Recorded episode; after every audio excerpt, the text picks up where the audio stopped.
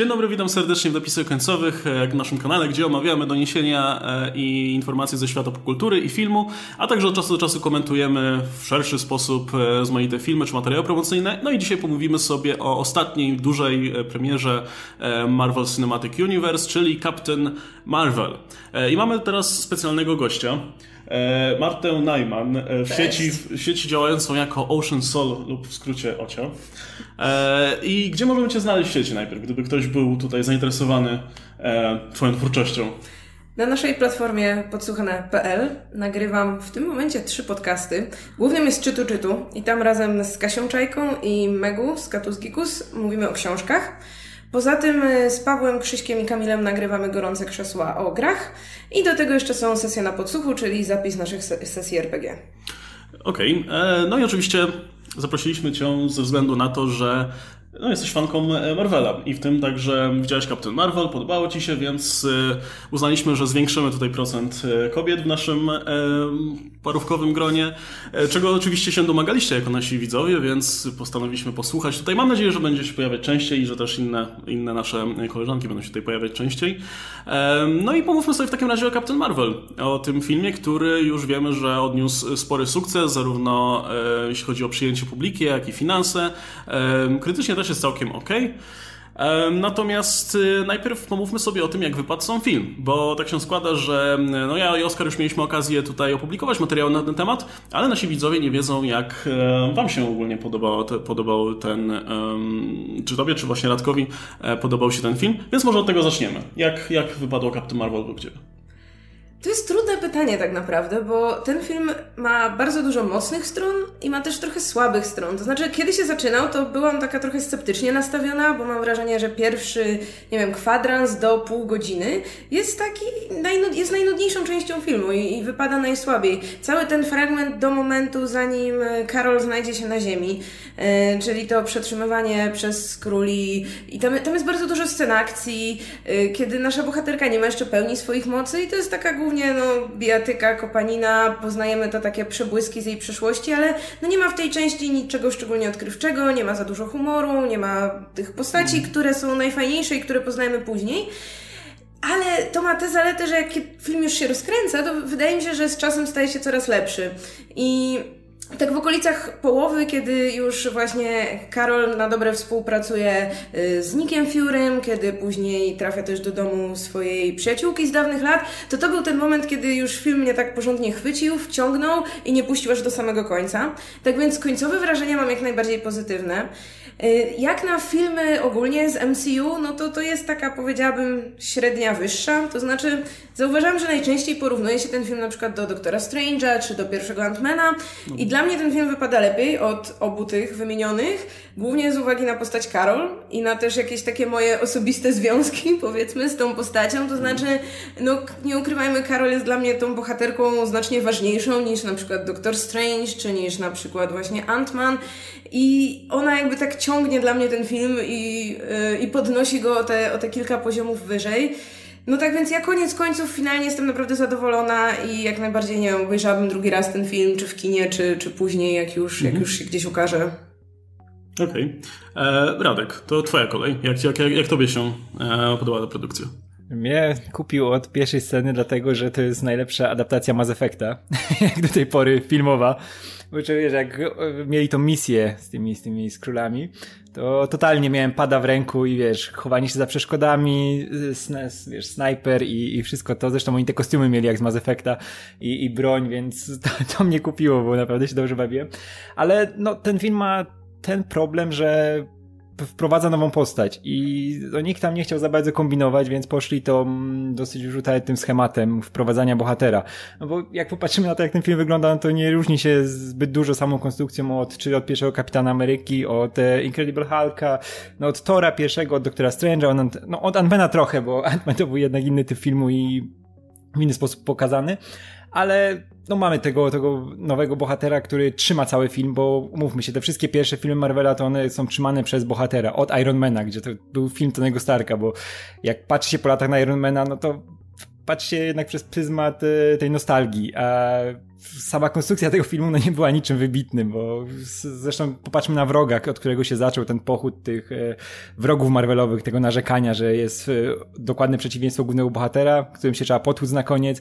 No i jak się patrzy po latach na ten finał Ironmana, to on jest e, dosyć, dosyć słaby, lekko mówiąc, gdzie oni się tam tłuką przy dwóch autach, nie? Tak bum, bum, bum, bum i koniec. Wielki finał. Więc w Kapitan Marvel wygląda to dużo lepiej, przynajmniej dla mnie. Cały ten finał i rozwiązanie, gdzie ona ma ten swój moment i wszystko, wszystko robi zajebiście i to dla mnie naprawia ten, tą formułę trochę Marvela, która już jest taka przetarta. No ale kurczę, to był film jednak z dużego ryzyka, jeśli chodzi o wprowadzenie postaci. Zresztą wiemy, co się działo przed filmem, te wszystkie, wszystkie rzeczy w internecie i, i obsadzenie Brie Larson w głównej roli. I koniec końców, kurczę, to wyszło naprawdę, naprawdę zgrabnie i nieźle. Jest suche i wygląda jakby to było napisane 20 lat temu i przeleżało w jakiejś, w jakiejś, w jakiejś skrzynce z tym Sfonzim albo coś takiego i ktoś to wyciągnął i o, robimy ten film. Ale ale ma klimat. Y, Brie Larson jest fantastyczna w tej roli i właśnie tak jak e, mówi Marta, czym dalej w las, tym lepiej to wygląda i czym więcej poznajemy życia tej postaci i tym jaka jest właśnie Carol Danvers, tym bardziej się z nią mogę zżyć, nie? I przy końcu to już miałem takie fuck yeah, gdzie ona już stoi przed tymi Kree mówię, tak, tak, to jest, to jest moja Kapitan Marvel i ten film jest ok, chcę ją zobaczyć yy, u braci Russo, co oni z nią zrobią i jak to dalej będzie rozwinięte, gdzie będzie naprawdę mogła z większą ilością postaci, yy, wiesz, mieć interakcję, bo ch chcę to zobaczyć, bo to jest zupełnie inny typ postaci, jeśli chodzi o, chociaż o poziom mocy, o to, jakie ma podejście do innych, to nie jest już ten, wiesz, yy, postać w stylu właśnie Doktora Strange'a czy Ironmana, tych wszystkich, wiesz, cool, cool gości, tylko to jest kobieta, która jest naprawdę ma swój, swój charakter, e, nie jest w żaden sposób, wiesz, zduszona przez tego męskiego bohatera, bo myślałem, że ta relacja trochę inaczej będzie wyglądała między Furym a Karol, nie? Że jednak będą bardziej na tym samym poziomie, a to Karol jest tą, która ciągnie tego Furego zagubionego, bo on nie wie, co się dzieje, nie? On jest tym Willem Smithem w tej wersji facetów czerni, a nie, nie to, a ona jest Tommy Lee Johnson tutaj bardziej. I kurczę, i grało to, ta ich relacja jest fajna i koniec końców jestem naprawdę zadowolony. To, to jest ten film Marvela, który jest między tymi wielkimi filmami i wypełnia tą swoją rolę. Mhm. E, no i my już widzieliśmy ten film z tak jak wspominałem, ale mieliśmy okazję też zobaczyć drugi raz. I ten drugi seans zawsze jest trochę inny, no bo już się nie śledzi tak bardzo fabuły, nie, nie zwraca się uwagi na to, czy rzeczy wynikają z rzeczy i czy, czy ma to sens, czy nie, tylko się no, skupiasz na takich niuansach, na samych postaciach, dostrzegasz jakieś tam szczegóły, których było wcześniej. E, I mam wrażenie, że pod tym kątem ten film wypada trochę lepiej, bo akurat fabuła um, jest, no nie, nie jest powiedziałbym, że najmocniejszą stroną tego filmu, no bo to jest ten schemat, już wspomnieliśmy o tym, który, który działa. Natomiast z punktu widzenia postaci to nie jest ten sam schemat, bo postać, większość tych bohaterów Marvela miała ten motyw, że musiała dorosnąć do swojej roli, nie? Albo, albo nie wiem, no dojrzeć w jakiś sposób, nie? Zazwyczaj było tak, że stawiali pierwsze kroki, dostawali po tyłku ze względu na jakieś tam um, ubytki charakteru, no a potem w końcu musieli no, do, dostąpić tego zaszczytu, żeby być tym bohaterem. Tak było z Torem chociażby, który też miał na końcu ten moment fakie, nie? W tym pierwszym filmie, kiedy tam otrzymuje z powrotem te, ten młot i tak dalej. E, I też ma ten moment, kiedy się wydaje super potężny. E, z Karol jest inaczej, nie? Karol już, e, ona musi, właśnie wręcz przeciwnie, ona musi bardziej wrócić do bycia człowiekiem, nie? To jest jakby od, od, od, dać upust tym swoim emocjom i okazuje się, że sięganie do swoich emocji nie jest takie złe, nie? Karol nie musi być rycerzem Jedi, żeby, żeby dysponować tymi mocami. E, jakie są twoje wrażenia, Oskar? Czy, czy, czy podczas drugiego seansu wyciągnąłeś coś więcej z tego filmu, czy może wręcz przeciwnie wyglądało ci się gorzej? Dużo, dużo więcej. W ogóle no, po pierwszym seansie nagrałem recenzję i teraz trochę tego żałuję, bo gdybyśmy, gdybym miał ten tylko jeden seans, to mi się kompletnie nie zgodził z tym, co powiedzieliście wcześniej, bo dla mnie to pierwszy akt mnie bardzo zachwycił, ale ja dlatego, że ja jestem, no, jak jest kosmos Marvela, to ja już klapki na oczy i, i, i oglądam i dla mnie już jest super. Drugi był super i, i relacje postaci, a przy trzecim prawie zasnąłem. I ten moment, o którym Radek powiedział fuck yeah, to w ogóle do mnie nie trafił.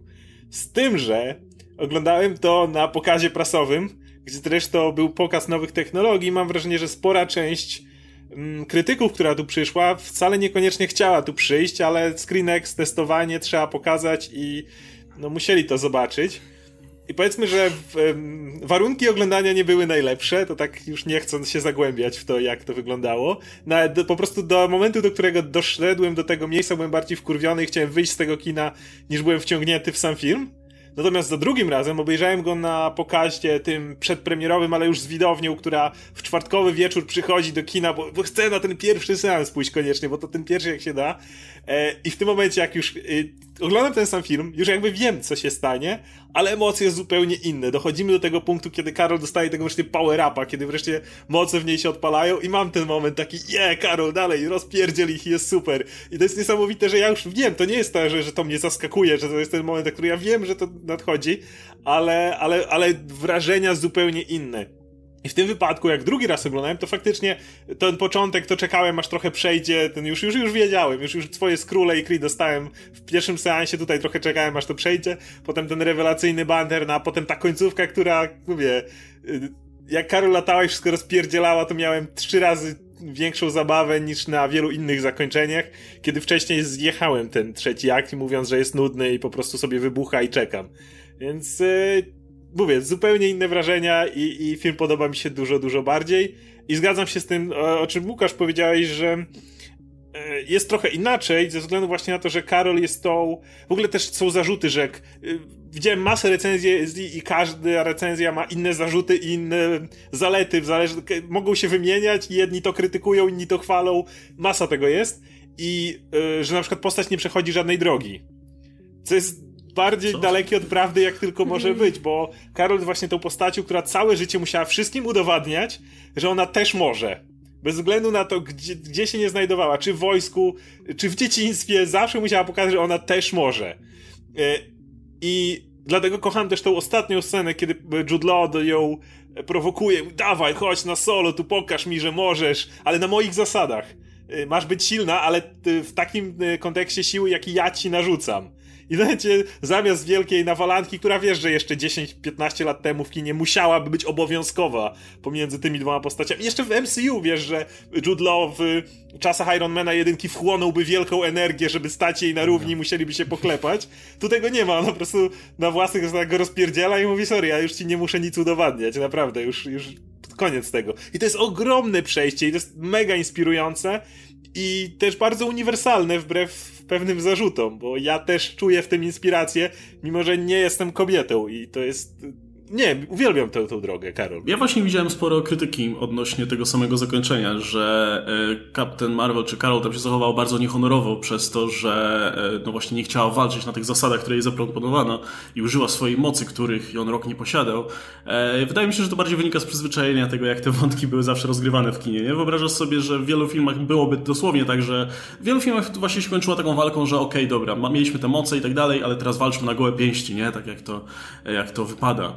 E, tylko, że e, to nie ma sensu z punktu widzenia tego, jak się właśnie rozwija postać Karol i jak ten wątek jej cały przebiega, e, bo to jest takie bardzo ładne podsumowanie właśnie tego motywu, że ona w tym momencie no, faktycznie nie musi już nikomu nic udowadniać, no bo udowodniła swoją wartość przed sobą, nie?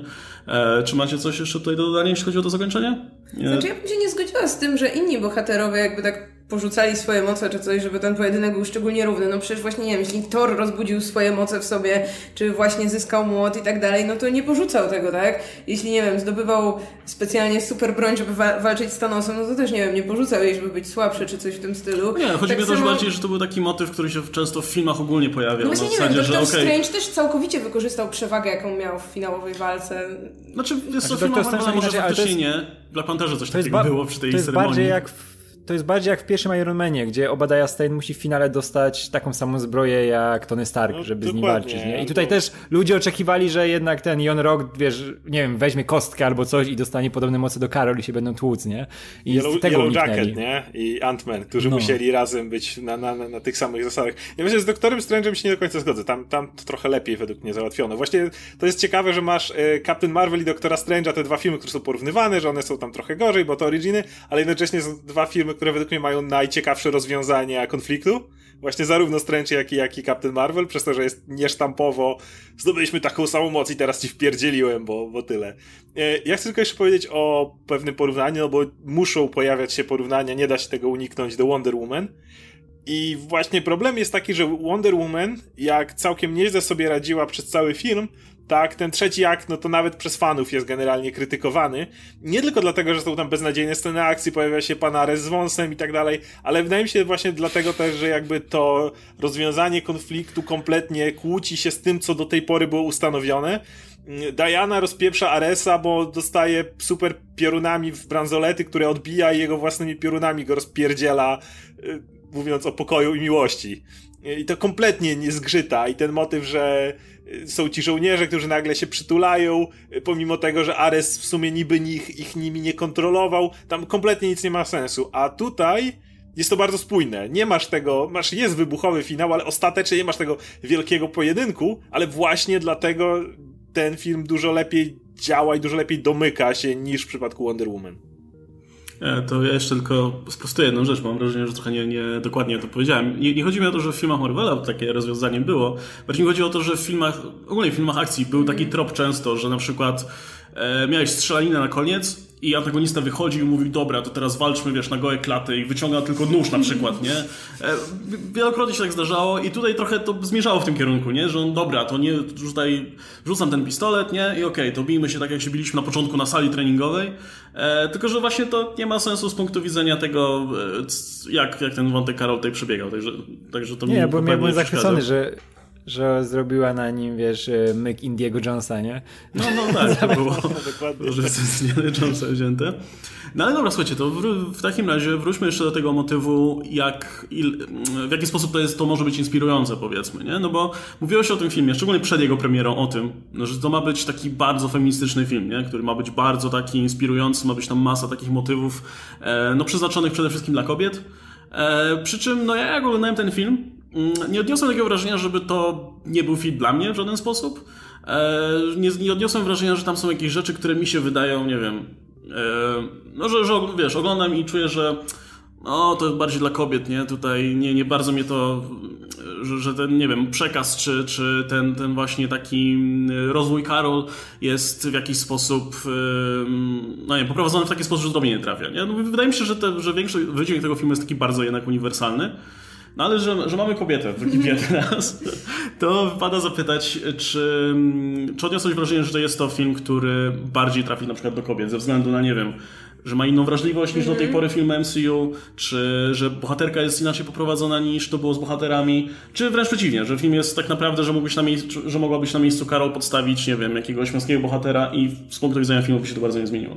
Ja bym zaczęła od tego, że feminizm nie jest tylko dla kobiet. To znaczy to, że w filmie, o którym mówimy, że jest feministyczny, odnajdują się wszyscy widzowie, no to, to, to, tak ma być, tak? Jakby feminizm nie dąży do tego, żeby to kobiety były, nie wiem, lepsze, czy żeby właśnie tylko kobiety się w czymś odnajdywały, no tylko do pewnego wyrównania sytuacji, tak? Jakby feminizm, ten, ten taki dobry feminizm, nie już może jakiś powiedzmy skrajnie radykalny, czy nie wiem, wypaczany przez jakieś bardzo skrajne ugrupowania, no to właśnie dąży do tego, żeby wszystkim było lepiej i żeby, żeby właśnie, nie wiem, taka wrażliwość bohatera czy bohaterki była wartością, w której może odnaleźć się widz, niezależnie od tego, jakiej jest płci, tak? I y, zaczynając może od końca, jak najbardziej zamiast Karol, tę samą drogę moim zdaniem mógłby przejść dowolny męski bohater i być pisany w ten sam sposób. No bo tak naprawdę czego uczy się Karol? Karol, Karol uczy się tego, że po pierwsze nie musi kontrolować emocji, które czuje, czyli no jeśli, nie wiem, czuje gniew albo złość, albo jakąś bezsilność, to można to przekuć w coś dobrego, można to przekuć w coś, co daje jej siłę. Uczy się tego, żeby się nie poddawać, tak? Jeśli y, upada nawet po raz kolejny, no to y, jeśli czuje, że właśnie, nie wiem, jeszcze chce się podnieść, jeszcze chce spróbować, to jak najbardziej może. Y, też tego, że no właśnie, żeby wykorzystywać wszystkie, nie wiem, atuty, jakie ma, wszystkie swoje mocne strony. Jeśli jest, nie wiem, super zdolnym pilotem, to żeby nie dawała się zamykać tylko w jakichś, nie wiem, ćwiczebnych lotach, czy na mniej ważnych misjach. Jeśli, jeśli właśnie ma wspaniałą moc, no to z tego powodu tylko, że jakiś buc jej mówi, że no on takiej mocy nie ma, więc żeby ona niejako z niej zrezygnowała dla niego, no to dochodzi do wniosku, że nie musi tego robić. I dla mnie, no to to są wartości jak najbardziej uniwersalne, tak? Czyli jeśli byłby tam jakiś męski bohater, zwłaszcza gdyby to był taki bohater, który nie byłby właśnie pisany w ten taki stereotypowo męski sposób, czyli właśnie nie byłby wielkim, silnym gościem, tylko no na przykład by wyglądał, przypuśćmy tak jak, nie wiem, Steve Rogers przed swoją wielką przemianą, tak? To jak najbardziej to też mógłby być film o, o tego typu bohaterze. Yy, Druga rzecz jest taka, że równocześnie ja na przykład dużo bardziej odnajdywałam, nie wiem, siebie, czy odnajdywałam jakąś łączność z, postacią Karol, głównie dlatego, że właśnie wreszcie ktoś mi pokazał na ekranie kobietę i to nie taką kobietę, która właśnie byłaby pozbawiona jakichkolwiek słabości, czy pozbawiona jakichkolwiek cech stereotypowo uznawanych za kobiece, czy uznawanych wręcz za gorsze, jak właśnie taka emocjonalność, tylko pokazał mi, że, że właśnie trzeba to tak przyjąć, otworzyć i, i czerpać z tego tę siłę. I to, to jest coś niesamowitego. Jak jest ten montaż, w którym właśnie Karol wreszcie przypomina sobie, kim była, przypomina, te so, przypomina sobie te wszystkie swoje porażki, które jednakowo przekuła właśnie w to, żeby stać się silniejszą, żeby stać się osobą, którą, którą ostatecznie jest, to dla mnie to było niesamowicie wyzwalające i, i no ja nie ukrywam, że ze wszystkich filmów Marvela to dawno nie, jakby dawno nie przeżywałam aż tak tego filmu, dawno nic aż tak do mnie nie trafiło. I właśnie no ta, ta finałowa konfrontacja, no to podejrzewam, że no gdyby nie to, że byliśmy w kinie wśród ludzi, no to bym tam, wiecie, wstała i zaczęła klaskać. Że, że, że Karol tak, tak pięknie właśnie wreszcie powiedziała y, Jądrogowi, co o nim myśli i, i, i żeby właśnie nie narzucał jej tego, kim ma być. Yy, i wydaje mi się, że jednocześnie właśnie ten film jakby tak, no nie przegina w żadną stronę. To znaczy, nie wiem, trzeba by moim zdaniem bardzo dużo złej woli, żeby po obejrzeniu tego filmu stwierdzić, że nie wiem, ktoś tam na siłę wpycha kobietę, że, że no nie wiem, propaganda, że no wiecie, te wszystkie dziwne zarzuty, które ludzie jeszcze przed obejrzeniem tego filmu pisali w internecie. No to no, no naprawdę, no nie wiem, ja, ja, ja tam tego nie widzę. I Bri się uśmiecha, tak? Kapitan Marvel się uśmiecha i właśnie to jest wspaniałe, że tak naprawdę jest tam no, pełna gama emocji w tym filmie. No i w ogóle Bri jest fenomenalna. Jakby nie, nie wyobrażam sobie, jak można nie pokochać tej postaci i, e, i nie wiem, nie docenić tej roli, bo, bo tam, tam jest wszystko. To jest dla mnie kompletna postać i nie mam żadnych zarzutów, jeśli chodzi właśnie o, o konstrukcję bohaterki. E, Radek, czy poczułeś, że e, wpychają ci tę feministyczną propagandę w gardło, tak jak to oczywiście przed, film, przed filmem ostrzegano oczywiście, tak? Nie, zupełnie. Mi się strasznie podobało, jak subtelnie były pokazane ten, te, te, te właśnie wątki tego, że, że ona jest silną e, ko, postacią kobiecą. E, to i to właśnie zawsze było niby w tle, niby tak, wiesz, w tej narracji tak płynnie pokazane, to czy, czy ona właśnie, że jest pilotem, nie, że tamci są mężczyźni, wiesz, pokażemy im, nie, e, higher, higher, faster, nie, higher, farther, faster, baby, nie, i kurczę, no to było tak pokazane, wiesz, bez żadnego wpychania tego przed, przed szereg, że wiesz, że Maciej już teraz jest ta, ta właśnie bohaterka. Nie, ona naturalnie z tego wychodziła. To była po prostu silna bohaterka. Nie, nie, nie dlatego silna, że ktoś ją pisał tak, że patrzcie, patrzcie jak ona jest silna. Nie, po prostu Brie Larson cudownie zagrała to, to, to, z tym, co miała właśnie na, na, na podorędziu i stworzyła kompletną postać, którą chcę totalnie oglądać w następnych filmach i w drugim filmie szczególnie, bo tutaj jest taka podbudówka genialna, żeby ją pokazać właśnie już w kosmosie, jak sobie radzi i, i jak już mamy kompletną postać w tym momencie. E, zresztą e, jak byliśmy z Ulą w kinie, to jej się podobało i to był, siedzi się teraz faka mi pokazała z, z kanapy, ale, ale wiesz, e, wyszła z tego, wyszła z kina i powiedziała, że w końcu, nie? W końcu, w końcu ten Marvel da się oglądać, nie?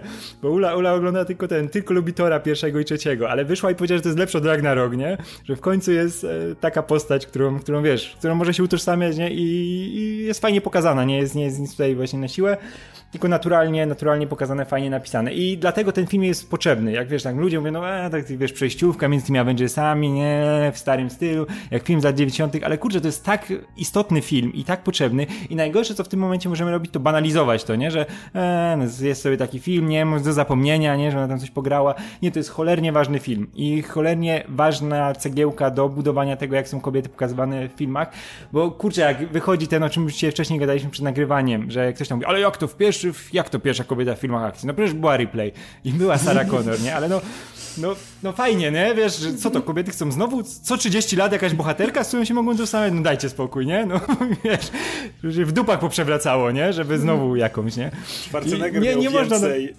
można... e, historię, Schwarzenegger miał pewnie więcej ról e, w, w filmach akcji, niż te wszystkie wymieniane bohaterki razem wzięte. Tak, Schwarzenegger ma wie, miał więcej filmów, wiesz, ma więcej filmów takich w dekadzie, nie, jednej, niż on, wiesz, kobiece bohaterki pokazał przez całe, przez całe życie, nie. I zupełnie, zupełnie nienawidzę tego, jak ktoś to przywołuje, no bo kocham replay, kocham Sarah Connor, ale to było 100 lat temu. I trzeba, trzeba takie filmy robić, trzeba takie bohaterki pokazać w tak naturalny sposób, nie? Tak replay była, zresztą pamiętamy, jak była replay, e, jak naturalnie było pokazane to, że jest silną kobietą. I tu z Sarą, e, z Sarą Connor, z Sarą Connor też tak było, ale z Carol Denver jest dokładnie to samo, że to jest silna bohaterka, bo po prostu jest silną bohaterką, zagraną przez silną kobietę, naturalnie, która wie, co chce zagrać. I to nie jest dlatego, że ktoś jej napisał, że wiesz, że musisz tutaj rozpieprzać, masz takie teksty i musisz tak mówić. Nie, ona cudownie gra, wiesz, jakimiś e, małymi, wiesz, grymasami, czy wszystkie jej, ten, wszystkie jej interakcje z Furym. To jest po prostu złoto, gdzie ona go tam, wiesz, musi jak dziecko prowadzać po, tych, po, tych, po, po tym całej fabule. E, I w ogóle nie czułem tego, że to jest jakaś feministyczna propaganda. Jezu, to są takie bzdury mówienie, że to jest e, właśnie film. Nie, no. W ogóle czemu ja muszę o tym mówić? Wiesz, to jest... Że to Trzeba, jest... no. Niestety. No, ja bym jeszcze dodała do no, tego, co ale... mówił Radek, że mhm. jakby kobieta nie jest cechą charakteru, tak? Więc to znaczy, tak, mimo że nie wiem, właśnie to, że mieliśmy replay, czy mieliśmy, nie wiem, właśnie Wonder Woman dopiero co, a teraz mamy Carol Danvers, to przecież to są zupełnie różne postacie, tak? Które, jasne, mhm. łączy to, że są silne na swoich warunkach, ale mają zupełnie inne cechy charakteru, tak? No na przykład właśnie Carol jest dla mnie zupełnie inną postacią niż Diana i to, że mamy jedną, to, to nie znaczy, że właśnie nie mamy dostać drugiej, tak? No przecież jak mamy choćby w samym Marvelu różnorodnych męskich bohaterów, tak? Że mamy tych poważniejszych, mamy tych bardziej oddanych sprawie, tych bardziej śmieszkujących i cynicznych, albo takich, którzy już są lekkimi nieudacznikami. I ja bym chciała taką, wiecie, pełną paletę barw zobaczyć właśnie w wykonaniu kobiet, że, że one nie są wszystkie takie same i jakby sam fakt, że są kobietami nijakich nie definiuje, więc, więc właśnie róbmy tych filmów więcej, żeby później nie było tak, że yy, nie wiem, dziewczynki czy kobiety, jak chcą mieć z kim się utożsamiać, to muszą zawsze, wiecie, utożsamiać się z tą jedną kobietą, jakakolwiek ona by nie była, tylko też właśnie będą mogły sobie wybierać, tak? Czy czują się bardziej, nie wiem, właśnie jak, jak Czarna Wdowa, czy bardziej jak Captain Marvel, czy bardziej jak jeszcze jakaś inna bohaterka, którą miejmy nadzieję w przyszłości dostaniemy. E, często... No, ale Marta, ale Marta, ale, ale Catwoman była, nie wystarczy ci Catwoman? Elektra, Elektra Elektra, właśnie. tak. To też jest wśród tych argumentów, że Catwoman i Elektra albo, albo, albo jeszcze czasami no ale jak to? Nie ma w MCU kobiet, to właśnie a Black Widow, a, a, a, a. Wasp, a Scarlet Witch, mało nie, ci? A w ogóle co, co, co taki człowiek myśli, kto wyciągnie w tym momencie? Ale jak, jak, co wy głupoty gadacie? Przecież była Catwoman, no co, co, co, co to jest w ogóle za argument? Przecież wszyscy wiemy jak wyglądała Catwoman i to jest najgorszy przykład filmu jaki pokazać, największy wiesz, taki pod, potwarz. To, wiesz, to jakby już nie mówię tylko dla kobiet, dla, dla człowieka, dla istoty ludzkiej. To jakby że nie trzeba więcej już filmów o bohaterach, bo Green Lantern było przecież. po co kosmos? Po co kosmos w filmach komiksowych? Był Green Lantern, no najedliście się. No. Nawiążmy jeszcze trochę właśnie do krytyki z różnych stron względem ostatnio pisanych, powiedzmy, kobiecych bohaterek.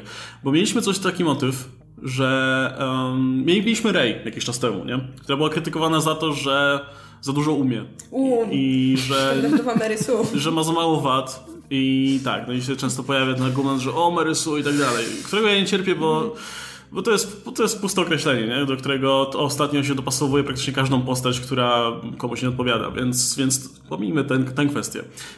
Ale czy w takim razie myślicie, że, pewnie myślicie, ale jestem ciekaw waszych argumentów, czy, e, bo może nie będziemy się tutaj skupiać na Rey samej, ale jakby podam jako przykład, nie? Jako ta postać, która, o nie, ona po prostu od razu umie walczyć i tak dalej i jest, i jest silna i tak dalej. E, czy, mm, czy, Captain Marvel, Carol w tym filmie nie wpada powiedzmy też w, taką, e, w taki model postaci, która jest silna, żeby pokazać, że o, kobieta też może być silna. Czy nie, nie wolelibyście na przykład, żeby to była postać, która ma więcej wad, która jakby ma więcej problemów na głowie i która w związku z tym dopiero musi się z nimi poradzić? Bo, bo nie da się ukryć, że Carol jest pisana trochę inaczej, nie? E, to jest postać, która już widziała rzeczy, która już ma doświadczenie z, no, z różnej strony. Jest pokazana, że na początku filmu już ją pokazujemy po jakimś tam treningu dłuższym, rusza na tą chyba pierwszą misję taką większą, ale wiemy, że ona dorosła do tego, żeby już być w tej ekipie, nie? I jest całkiem kompetentna i tak dalej.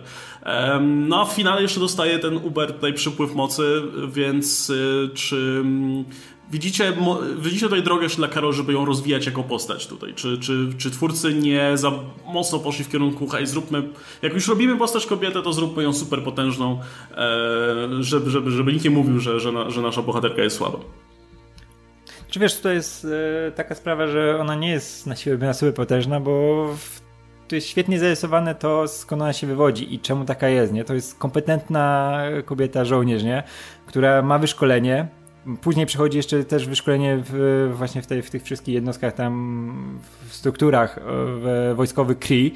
No i ona jest po prostu, wiesz, kompetentną kobietą, która para się takim zawodem i wykorzystuje to. I tutaj nie ma nic na siłę, żeby, żeby ona tam musi zdobywać jakieś wielkie doświadczenie, coś takiego, nie? Ona wykorzystuje to doświadczenie, które zyskała przez e, kilka dobrych lat e, zajmowania się tym i, i, i wchodzenia w tą rolę. Więc tutaj, tutaj nie czuję w ogóle tego, żeby, żeby ona musiała się czegoś uczyć. Jeśli e, taką postać, która bym chciał czegoś uczyć i mieć tych więcej problemów, to fajnym przykładem była Scarlet Witch, tylko no niestety Age of Ultron to zarysowało jak zarysowało. Ona by była, miała dobrą mogła drogę przejść, nie? Żeby, żeby się czegoś nauczyć i wychodzić z tego właśnie ciężkiego środowiska, które, które, które no wiemy jaka była z tym sytuacja, ale z Karol nie mam zupełnie tego problemu. I dobrze, że ona jest akurat w takiej wersji pokazana i ten przypływ mocy, kurczę, to jest coś, czego, co, co chciałem zobaczyć, nie? To jest takie w końcu właśnie rzucenie tego w twarz, wiesz, w AG, że może coś takiego osiągnąć przez to, że jest kompetentna cholernie i ma wiedzę, ma doświadczenie i nie, nie boi się tego używać, bo po co? Czemu, czemu miałaby się bać, nie? Jak coś potrafi, to potrafi. I to w filmie, wiesz, wypaliło według mnie naprawdę dobrze. Plus ja bym powiedziała, że uczyć się można też jak najbardziej różnych rzeczy, to nie muszą być koniecznie jakby te supermoce i to nie musi być ten, ten aspekt y, właśnie, nie wiem, władania energią, którego ona musi się nauczyć. No tak jak w tym filmie musi się nauczyć przede wszystkim pewności siebie i, i, i tego, żeby y, no, umieć, umieć się postawić, umieć walczyć o swoje. I jak najbardziej w kolejnych filmach też może się uczyć czegoś zupełnie innego. Na przykład może się uczyć, nie wiem, dowodzenia drużyną, może się właśnie uczyć y, rozwijać jakieś cechy przywódcze, czy jakieś no zupełnie inne cechy charakteru, które niekoniecznie mają bez bezpośredni związek y, z tym, jak super miota tam, wiecie, właśnie kosmiczną energią w rakiety, ale gdzieś tam też są jej potrzebne do rozwoju jako postaci, jako osobie po prostu. Mi się wydaje, mhm. że ten punkt startu nie jest tak istotny, bo jakby problem, który ja mam osobiście z y, na przykład Wasp, czy w dużej mierze z Rey w Last Jedi, nie wynika z tego, ile ta postać potrafi, gdzie, w jakim miejscu się znajduje, bardziej z tym, że według mnie przynajmniej ani Rey, ani Wasp nie przechodzą jakiejś dużej drogi przez cały film. Ten konkret, konkretnie Last Jedi i konkretnie Ant-Man and the Wasp. To nie są bohaterki, które się wyjątkowo dużo nowego uczą i ich jakiś pogląd, czy status, czy spojrzenie na cokolwiek się mocno zmienia. Bo jakby punkt startu według mnie nie ma żadnego znaczenia. Możesz zacząć na samej górze, na samym dole, gdzieś po środku. Wszystko jedno. Byle jeszcze właśnie, tak jak Marta powiedziałaś, było miejsce na nauczenie się czegokolwiek. Tak jak uwielbiam e, ostatnio w komiksach próby na przykład tego, że bohaterowie muszą się nauczyć tego, jak być rodzicami, co w różnych momentach jest. Zupełnie musisz tutaj z jednej strony ratować świat, a z drugiej strony wychowywać swoje dziecko i, i pogodzić to pomiędzy sobą. To też jest wyzwanie. Czy cała masa innych wyzwań, które przed y, człowiekiem stoi, właśnie tych ludzkich wyzwań przede wszystkim. Spider-Man, który musi być jednocześnie Spider-Manem i Peterem Parkerem i pogodzić te wszystkie elementy. I, I według mnie Karol ma to miejsce, tak jak powiedziałem, ona przechodzi swoją drogę, ona się czegoś uczy, mm, czegoś bardziej ludzkiego niż, niż samego opanowania swoich mocy i to jest według mnie kluczowe. I to jest coś, czego brakuje. E, to jest ten, ta pułapka, w którą często wpadało kino w ciągu ostatnich lat, kiedy wprowadzano kobiecą bohaterkę i od razu trzeba mm, bano się jakieś wady jej zarysować czasami, e, albo właśnie jak, jakąś drogę, jakieś miejsce, żeby się nauczyć, bo jeszcze ktoś by mógł zarzucić niekompetencję, przez to działano tak naprawdę na szkodę i odczłowieczano te bohaterki. A tak samo bohaterki, tak samo bohaterowie są tylko wtedy ciekawi, kiedy widzimy ich rozwój. Jakby jeżeli ktoś stoi w miejscu, to nie jest ciekawy. I według mnie Karol nie stoi w miejscu i dlatego jest, jest fantastyczna. To też kwestia tego, bo ja tak to oczywiście prowokacyjnie zadałem to pytanie, bo byłem ciekaw waszych odpowiedzi, ale wydaje mi się, że to właśnie wynika z tego, co wcześniej było powiedziane, że no, każda postać jest inna, nie? niezależnie od jej płci i akurat w przypadku Karol no, jest taką postacią, która już te kompetencje powiedzmy jako bohaterka właśnie, jako, jako no nie wiem, żo żo żołnierka na przykład e, posiada, nie? Tylko, że podejrzewam, to też jest, ja bardzo lubię komiksy o właśnie takich potężnych postaciach, czy filmy o potężnych postaciach, bo to też skłania scenarzystów do tego, żeby jednak dawać im takie problemy do rozwiązania, które, no, którym nie, nie dasz mordę po prostu, nie? I, i, I tyle. Tak jak do tej pory większość filmów Marvela, czy w ogóle filmów superbohaterskich polegała na tym, że mamy bohatera, który ma jakieś wady, no i on musi się nauczyć w jakiś sposób pokonać je i stać się lepszym człowiekiem, nie? W tym wypadku, w przypadku Karol jest to trochę inaczej poprowadzone i wydaje mi się, że na przykład Myślę, że analogiczna sytuacja byłaby na przykład z Supermanem, nie? To też jest taka postać, która... Zresztą mieliśmy w Justice League Supermana, który też się na koniec pojawia i naprawia wszystko sam. E, I teraz gdyby ktoś chciał zrobić dobry film z tym Supermanem, który był w tym Justice League, załóżmy, że ktoś by chciał, e, no to trzeba by mu napisać taki film, gdzie nie, nie dałby rady, że zagrożenie nie byłoby po prostu na zasadzie hej, trzeba, trzeba go pokonać siłą, nie? E, tak samo jak wspomniałeś o tym, że na przykład komiksy z Supermanem ostatnimi czasy były dobre, no bo się skupiały na jego życiu rodzinnym, czyli czymś, co, z czym jego supermoce nie są aż tak mocno związane, nie?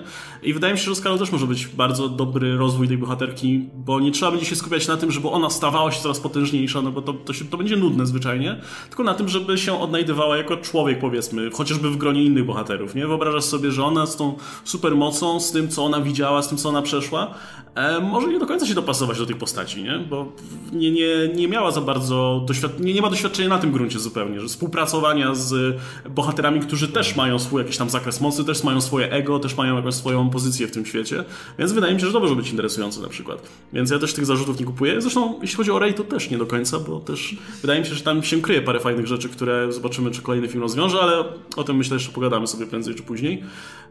Natomiast no widziałem jeszcze parę takich zarzutów, e, że na przykład dobór piosenek był taki sobie. To znaczy na przykład masz tę scenę na samym końcu e, walki Karol, jak już tam ten swój potencjał odblokowała, gdzie masz ten No Doubt piosenkę Just a Girl i że to było takie, e, wiesz, Just a Girl i masz tą Karol, która tam niszczy całe zastępy tych przeciwników. E, ale mam wrażenie, że to jest takie szukanie troszkę na siłę tego. Na zasadzie, że mogłeś się przyczepić do tego typu elementów w tych filmach z męskimi bohaterami i gdybyś chciał, więc nie wiem, czy tu jest kwestia do, w ogóle do, do Wiesz, roztrząsania. Jest, no? Tu jest taki problem, że czego byś nie dał z lat 90., to każdy powiedział, eee, wiesz, ja to znam i dają to do filmu, bo to znane, nie? No ale wiesz, ta, ta dekada jednak dla ludzi w naszym wieku jest już tak, e, wiesz, nostalgicznie, e, wiesz, zapisana w głowach, nie? To i wspominamy ją właśnie przez to, że za dzieciaka się tego słuchało dużo i to zawsze gdzieś tam w głowie wiąże się z jakimiś wspomnieniami ważnymi, istotnymi. No jak słyszysz, wiadomo, Nirwane, czy słyszysz No Doubt, to no, wiesz, ja to słuchałem całe życie, nie? I tyle, tyle mam z tym wspomnień, że... Nie? I... Tak, tak, tak. I tutaj, i oni to ładują do filmu, po co? I kurczę, to wiesz, tak samo jak pewnie ci, którzy oglądali Guardians of the Galaxy, którzy się wychowali na tych piosenkach, wiesz, jeszcze starsze, starsze generacje, które się wychowały na piosenkach, których użył Gun, to pewnie też, no, że my to znamy, nie? I wciskają to na hama. I dlatego ten film jest tak specyficzny, bo to są lata 90., które w kinie jeszcze nie są aż tak nostalgicznie ograne, bo to się dopiero zacznie ta epoka, po latach 80., które cały czas były roz... już na, na wszelkie możliwe sposoby ta neonizacja popkultury była zrobiona. Y, I teraz nagle będą wchodziły lata 90. z, z z tą muzyką i z tym. I Karol jest pierwszym przykładem tego, gdzie dała jakieś znane piosenki. Od razu wszyscy o matko Nirvana, słuchałem pół życia Nirwany, a teraz jeszcze tutaj w takiej scenie Nirvana nie mogli dać, nie wiem, e, bo, e, Boys to Men albo coś takiego, nie? Więc, no kurczę, to jest, to jest taki głupi problem, no, szczególnie, że ta piosenka, gdzie się pojawiła Nirvana, idealnie pasowała do tego mm -hmm. momentu. I czy to pod względem e, rytmiki, czy tekstu. I nie mam z tym zupełnie problemu, że tam jest Nirvana, no, kurczę, yep. jest głupie bym chciał się jeszcze odnieść właśnie do tego postrzegania feminizmu filmu właśnie związanego chociażby z tą piosenką. Jakby ja nie jestem w stanie powiedzieć na ile ten film działa dobrze na kobiety. Bardzo cieszy mnie to, co mówisz, Marta. Czy y, byłem ze swoją dziewczyną w kinie na tym. Teraz y, na przykład napisałem do swojej siostry, która w ogóle nie jest na tym coś tam Marvela działa, ale jak powiedziałem jej, ej, to może pójdziemy na Captain Marvel, spoko, na Captain Marvel mogę iść, więc, więc to jest fajne. Natomiast ja mogę tylko powiedzieć ze swojej perspektywy, jak to działa. E, I uważam, że było tam wystarczająco dużo właśnie uniwersalnych treści, które do mnie przemawiają. Jest też jakby ta kluczowa scena, kiedy Karol się podnosi, kiedy ma tą konfrontację z najwyższą inteligencją i najwyższa inteligencja mówi, jesteś tylko kobietą. Nie, mówi do niej, jesteś tylko człowiekiem. I Karol mówi, tak, jestem tylko człowiekiem. I idea te, ta ludzka, że się potykasz i wstajesz. I, I za każdym razem, i ona w tym znajduje siłę, jakby. No to jest zarzucanie temu, że to jest, fe, nie wiem, nawet nie chodzi o feministyczne, bo to jest też złe słowo, jak mówisz, ale że to propaganda nachalna w gardło wpychana, że coś takiego, jest niedorzeczne, bo działa to tak samo dobrze na mnie, jak, no nie wiem, nie, nie widzę tego. I z drugiej strony, domyślam się, że właśnie, tak jak mówisz, e, ten film ma większe znaczenie dla kobiet. Będzie miał tą dodatkową warstwę, która do mnie nie dotrze jakby, ale po pierwsze, to bardzo dobrze, bo ja już miałem swoich 20 gości, którzy, którzy jakby spo, spokojnie, z którymi mogłem się utożsamiać, to raz. A dwa, to jeszcze bardziej podkreśla to, co mówiła Brie Larson, no to cała ta gównoburza w ogóle wyjechała na początku, kiedy mówiła o różnorodności krytyki. Właśnie ten film jeszcze bardziej pokazuje, jak różne spojrzenia są istotne. Bo, bo jeżeli patrzylibyśmy tylko i wszystko przez mój pryzmat, to moglibyśmy nie zobaczyć tej dodatkowej warstwy, tego dodatkowego elementu, który nie jest do mnie, ale właśnie jest do kogoś innego. I to, że jest do kogoś innego, nie jest problemem. A wręcz dobrze, żeby był ktoś inny, czy w wypadku Black Panthera mniejszości, czy w wypadku właśnie Captain Marvel kobiety, kto może powiedzieć o tym, że ten film w jaki sposób uderzył w tą osobę w sposób, którego ja nie dostrzegę. Jakby to jest najlepsze, że, że, że to jeszcze bardziej podkreśla zasadność e, słów Brie Larson, od których w ogóle no te, te ciągłe, które YouTube mi codziennie poleca, materiały e, jakby widzę, więc... Tak, ale to też wręcz, wręcz przeciwnie także, nie? To znaczy też nie jest tak, że ten film automatycznie się wszystkim kobietom musi podobać, nie? Tak samo jak Black Panther nie musi się podobać wszystkim, wszystkim czarnoskórym widzom.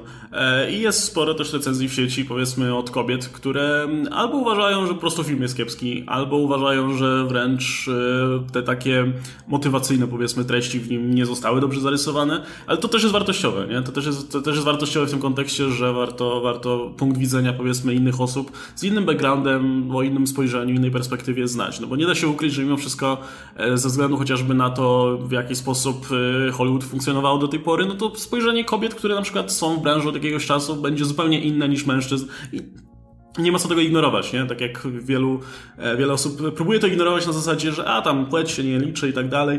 E, tylko, że to jest bardzo krótkowzroczne, nie? No liczy się z tym, w tym kontekście, że jednak spojrzenie osób o różnej płci może być inne z różnych względów. Ale to jest czy głupie... Tak, zresztą też... To powiedz, powiedz. Mów. No. Okay. E, też Mów. Jak te filmy są przystosowane jednak zupełnie z innego, inny punkt widzenia obiera, że jak widzisz jak na to reaguje widownia, do której ten film jest przeznaczony, nie? Ja tak miałem na przykład ze Spider-Man Homecoming, nie? Poszedłem na Homecoming, był ok, nie? Ale wiem, że się jednak mijam z tym, wiesz, tematycznie i, i to nie jest film stricte dla mnie, nie? Jestem, wiesz, gościem, gościem przy 30 i, i to, to, to, nie jest, wiesz, problemy te nastoletnie już są za mną, nie? I to inaczej działa, wiesz, inaczej funkcjonuje, to jak jest pokazane w filmie z tym, co ja pamiętam i no to, to fajny film, ale nie tak dla mnie. Ale poszedłem z bratem, który jest akurat w tym wieku, nie? Wiesz, jest teraz w pierwszej liceum i on zupełnie inaczej do tego podchodził, wiesz, super, ma swojego bohatera, ma swojego Petera Parkera, nie? I wiem, jak on do tego podchodził, z jakim jest zaangażowaniem to oglądał, z jakim zaangażowaniem później o tym rozmawiał, nie? I że to jest film dla niego. I dokładnie tak samo czuję, jak ważny jest film e, Black Panther, nie? Dla widowni, dla czarnoskórych, że oni mają w końcu swojego bohatera, który, wiesz, staje z podniesioną głową i mogą go oglądać na dużym ekranie i to jest cholernie istotne. I tak samo mamy teraz Carol Danvers, która, wiesz, staje też z podniesioną głową, jest świetnie napisana, świetnie zagrana i nawet jeśli ten film nie jest idealny, bo nie jest, nie jest w żadnym wypadku, to jest właśnie tak, tak, troszkę wyższy stan z tej, tej średniawy Marvelowej, że jest na pewno ponad Doctor Strange'em, ponad Ant-Manem, ale to nadal nie jest ten y, Olimp Marvelowy. Ale jeśli chodzi o sam przekaz i to właśnie o czym opowiada, o jakiej postaci, to kurczę, to jest cholernie istotne i kurczę, dobrze że ten film powstał i dobrze, że e, osoby, do których jest skierowany tak entuzjastycznie na to reagują. Zresztą wszyscy na ten, no kurczę, ten film jest entuzjastycznie przyjęty i fajnie, że ta, te akcje trollerskie, no nie, nie, nie, nie udało się ich przeprowadzić, no wielkie zaskoczenie. To jeszcze tylko mała dygresja. E, mhm. Mnie w ogóle zawsze zastanawia to, jak pojawia się ten komentarz, że a dla mnie to nie ma znaczenia, czy tam kobiety, mężczyźni, czy jaki kolor skóry. Ważne, żeby film był dobry, ale jednocześnie, jeżeli na przykład film dotyczy narodowości albo spraw dotyczących tylko i wyłącznie twojego kraju, rzeczy takich yy, zbliżonych, no to o dobrze, to ja to inaczej. Ja rozumiem, że tutaj mówimy o, nie wiem, historii Polski, to oczywiście, że, że, że inaczej odbiorę to ja niż Amerykanin, to to naturalne, to nie ma co tutaj żadnej wątpliwości. Ale na przykład, jeżeli mówimy o sprawach właśnie, czy Black Panther w tym wypadku, a to dla mnie to bez znaczenia, czy to czarni, czy biali, ważne, żeby film był dobry. Jakby każdy ma, każdy ma swoje różnego rodzaju um, elementy w popkulturze, które bardziej przemawiają do niego, czy ze względu na jego narodowość, płeć, kolor skóry, orientację seksualną. Jest cała masa elementów. Chociażby, nie? Słucham? Doświadczenia życiowe także. Dokładnie, które, które budują w jakiś sposób ciebie i to, jak przyjmujesz popkulturę. I dlatego, kiedy mamy właśnie różne filmy, to najlepiej jest, kiedy słyszymy różne głosy, bo to nie jest tak, że głos kobiet jest ważniejszy niż głos mężczyzn w kwestii Captain Marvel, ale właśnie chodzi o to, że jest równie ważny i przede wszystkim może być inny i pokazywać inną perspektywę. I y, mówię, za każdym razem, kiedy ktokolwiek stara się y, mówić o tym, że to nie ma znaczenia, niech pomyśli o pewnych wartościach, które dla niego są wyjątkowo ważne, a dla kogoś innego mogą nie być. I, i nagle okaże się, że to wcale się aż tak bardzo nie różni. Tak, niech pomyśli po prostu też właśnie o widzach, którzy niekoniecznie widzieli siebie, nie wiem, w postaci Ironmana, czy Starlorda, czy Tora, czy tak dalej, a teraz oglądają Captain Marvel i widzą, no, kogoś takiego jak, jak wiecie, ona sama, jak kogoś, że, że o, taki ktoś jak ja też może być super bohaterką, też może być cool postacią, też może mieć super moce, też może ratować ziemię i, i to, to jest świetne. Okej, okay, no to chyba, chyba na tym możemy ten segment powiedzmy zakończyć i pomówmy sobie w takim razie o samej fabule filmu i o róż, rozmaitych elementach, o których no nie można było mówić w bezspoilerowych materiałach, nie? No bo e, wspominaliśmy o tym, jeśli nie tutaj, to w ogóle w kontekście filmu, że no jest w nim trochę zaskoczeń, jest w nim trochę zwrotów akcji e, i choć schemat fabularny powiedzmy jest taki, jak to zwykle bywa w filmach Marvela, te wszystkie tropy i, i motywy są odhaczone oczywiście, tak jednak no nie da się ukryć, że parę razy film próbował zejść z takiej typowej ścieżki i, i zaprezentować coś, coś nowego. E, w takim razie zapytałbym Was może tak ogólnie, czy był jakiś element w filmie, który Was szczególnie zaskoczył? E, szczególnie z punktu widzenia e, w jakiś pozytywny sposób. Czy w związku z tym taka czy było w kinie coś, co Was zaskoczyło, jednocześnie bardzo się podobało fabularnie, czy w związku z jakąś postacią, czy, czy jakkolwiek inaczej? Okej, okay, no mnie najbardziej zaskoczyło to, jak świetnie wygląda Samuel L. Jackson w tej technologii i to, że był dla mnie całkowicie nierozróżnialny, że tak powiem, od, nie wiem, od, wiecie, no wszelkich innych postaci. W ogóle nie, mia nie miałam wrażenia, że ktoś tu coś zmanipulował. Po prostu jakby cofnęli w czasie aktora, powiedzieli mu graj, zagrał. To, to, dla mnie to było po prostu fenomenalne. Ale już wracając do tych elementów fabularnych, no to oczywiście Skróle. To znaczy, no ja nie, nie będę ukrywać, nie znam jakoś szczególnie dobrze komiksów, no ale mam w głowie te, te wizję, że no skróle to są ci źli, więc fakt, że tutaj są pokazani e, jako no po pierwsze ci bardziej pozytywni, ale po drugie no jednocześnie wciąż tacy bardzo niejednoznaczni, to było w ogóle super. Postać Talosa wydaje mi się, że jest jedną z, z ciekawszych postaci, które Marvel wprowadzał ostatnimi laty. E, i no, no jeśli powiemy o nim w jakimś sensie jako o antagoniście, no to, to już no, jako antagonista jest fenomenalny. Ja bym go tak nie nazwała. Jest po prostu no, ciekawą, złożoną postacią, która też ma swoje za uszami. Ten, ten, ten moment, kiedy mówi, że no, była wojna, robiło się różne rzeczy, to, to, to też jest jedna w ogóle z, z lepszych scen. Ale to, kiedy oni docierają na tę stację i on wita się ze swoją rodziną, no to, to też był dla mnie jeden z takich bardzo emocjonalnych momentów gdzieś tam w środeczku. Yy. Więc, więc, więc powiedziałabym, że to, to było takie najbardziej zaskakujące. Yy, no i scena z kotem. Jakby, no, ja się spodziewałam, że z tym kotem jest coś nie tak, ale w momencie jak pierwszy raz kot wyciągnął swoje macki, to ja podskoczyłam do góry, bo to było świetne. E, no właśnie, to może pociągnijmy temat Skróli najpierw, bo to jest takie, może nie do końca odejście od komiksów, bo Skróle to była cała rasa, nie? Trudno mówić o charakterze całej rasy do końca, nie? Ale jednak faktycznie jest tak, że większość osób kojarzyła Skróle jako tych złych. Wydaje mi się, że film bardzo chciał nam zaznaczyć, że to są ci źli na początku, bo też oni wyglądali inaczej, nie? Jakby Kree, to, w Kree mamy albo to są po prostu ludzie z niebieską skórą, a nawet niekoniecznie z niebieską skórą, są też te różowe, nie? E, no a Skróle, no to wyglądają, mają te spiczaste uszy, wyglądają jak takie cholerne zielone gobliny, nie? Albo orki, albo coś w tym guście. future E, więc e, no wyglądają nieprzyjemnie i o to chodziło, nie? Żeby na pierwszy rzut oka było widać, że oni są ci ty, ty, tymi złymi. No jeszcze ta transformacja, która mogła być pokazana w różny sposób, ona jest pokazana tak dosyć odpychająco, nie? Że to jest taki w ogóle body horror trochę. Em, a można było, wiesz, mogliśmy po prostu błyskawicznie zamienić w jakąś osobę i tyle, ale to też wydaje mi się, że było bardzo celowe. Em, no i po to, żebyśmy mieli ten zwrot akcji i mi się to strasznie podoba, bo to ja nie jestem zwolennikiem ogólnie tego podejścia e, takiego mm, takiego centryzmu, nie? Że no, trzeba pokazać, że ci są źli, ale ci też nie do końca są dobrzy, że wszystko musi być po środku, nie? Jakby nie zawsze tak jest. Często jest tak, że jakaś grupa po prostu działa z własnej korzyści, chce dobrych rzeczy, powiedzmy, z punktu swojego, ale jednocześnie nie, nie oznacza to, że musimy tutaj stawiać wszystkie, wszystkie interesy, powiedzmy, w centrum, nie? I, I w jakiś sposób środkować.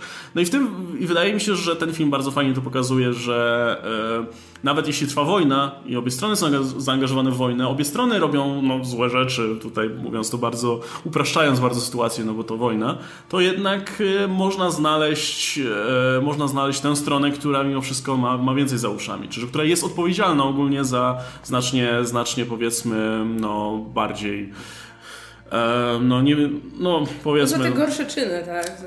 Tak, no możemy to w ten sposób ująć, nie? I wydaje mi się, że coś takiego było potrzebne, nie? W, pokazanie jasne, że je, jest często tak, że jedna strona dokonuje gorszych czynów niż, niż, niż druga e, i, i jedna zasługuje bardziej na współczucie niż druga. E, więc mi się to bardzo podobało i też mnie to zaskoczyło, bo, no bo to jest coś, czego, czego się tutaj nie spodziewałem. Spodziewałem się, że raczej ustanowią właśnie faktycznie złe skróle, że to będzie taka bardzo negatywna siła, która będzie w tym uniwersum sobie istniała. Zresztą Kevin Feige mówił, że dalej mogą dalej robić ze skrólami, co im się podoba, no bo, Bo są czemu różne nie? skróle. Bo Są różne skróle, to jest rasa ponownie, nie? Są dobrzy ludzie i źli ludzie, to czemu nie mają być do, do, dobrej złe skróle? E, ale fakt, w jaki sposób zostali wykorzystani tutaj, no to, to, to było dla mnie bardzo pozytywne zaskoczenie. Więc to, to ja też przy okazji się wyprztykałem tutaj z mojego pozytywnego zaskoczenia i też oczywiście Talos e, też był fantastyczną postacią. Ja pamiętam, że e, czytaliśmy wcześniej te pozytywne opinie o tym filmie i byliśmy zaskoczeni tym, że właśnie wszyscy chwalą Bena Mendelssohna. Jak on się pojawił na początku, no tak mówię, no kurczę, dalej Ben Mendelsohn, za- ten, co zawsze, nie? Taki e, grał bardzo typowo, no ale potem mamy ten twist, gdzie okazuje się, że, że on ma inne cele zupełnie. Ja tak prawie do samego końca mówiłem, kurde, jeszcze, jeszcze będzie zwrot akcji, się okaże, że oni nie też są źli, nie? też na cholerę. To... Ale no jak już się pojawili ci, wiesz, uchodźcy Tak. i, i jego rodzina, no to mówię, okej. To, no to, to, mnie, to mnie naprawdę zaskoczyło. Ale to jest świetnie rozegrane właśnie w tym momencie, bo ja, ja znam komiksy. Kree zawsze byli kompletnymi chujkami, co do tego nie ma żadnych wątpliwości, więc akurat mnie to, że tam Kree, to ze, zero zaskoczenia. Wiadomo było, że, że trzeba będzie Kree powstrzymać. Ale Skróle generalnie w komiksach, o tyle co mieli bardziej heroiczne momenty, to no, z to są ci źli goście. I w momencie, w którym pojawił się Talos i jakby to było cały czas prowadzone, no to cały czas myślisz, że to będzie gdzieś po środku. Wiadomo, że Kree będą źli, ale, ale tu coś po środku. I kiedy nawet Talos się pojawił i zaczął mówić o tych koordynatach, że- żeby chce być doprowadzony do tego napędu, ja myślę, czekam aż wbije tutaj im y, nóż w plecy zaraz i zabierze. I dlatego, i dlatego właśnie to tym bardziej byłem zaskoczony, bo jeszcze na stacji kosmicznej to czekałem aż Talos wybiegnie, gdzieś złapie tą kostkę i zacznie w nią gdzieś napieprzać, czy coś takiego. Jak nawet się kostka pojawiła, to myślę, o kurde. Prze- Przerwę ci na, na, na, na sekundę. Jest ten moment, jak, jak e, oni mówią, że nasi bohaterowie mówią, że oni jesteśmy sami. Jest ta herbata, która tam e, jeszcze, jeszcze jest ciepła i wychodzą, wychodzą te rodziny z króli. Ja myślałem, że w tym momencie jakieś wojsko z króli wychodzi, nie? W pierwszej chwili, że, że okej, dobra, tu jest ten moment, kiedy się dowiadujemy, że nie, że, że to, to była zasadzka, nie? To, ze skróli, ale nie. I, I, to jest, I to jest przez to świetnie poprowadzone. Ja jestem, to jest jeden z moich ulubionych absolutnie elementów też e, komediowe, no kom, komediowy timing e, samego Bena Mendelssohna jest, jest rewelacyjny, ten science guy, to wszystko jest tak działa. Skróle, które robią się nagle tymi poczciwymi, poczciwe ziomki takie tam, które mają swoje do załatwienia, ale jednocześnie jak się przyjrzysz, szczególnie jak drugi raz to oglądałem, to, to, jest, to jest wszystko dobrze zaprojektowane. Zwróćcie uwagę, że skróle, jeśli od przybycia na Ziemię, nie zabiły nikogo. Nikt nie zginął z rąk skróli.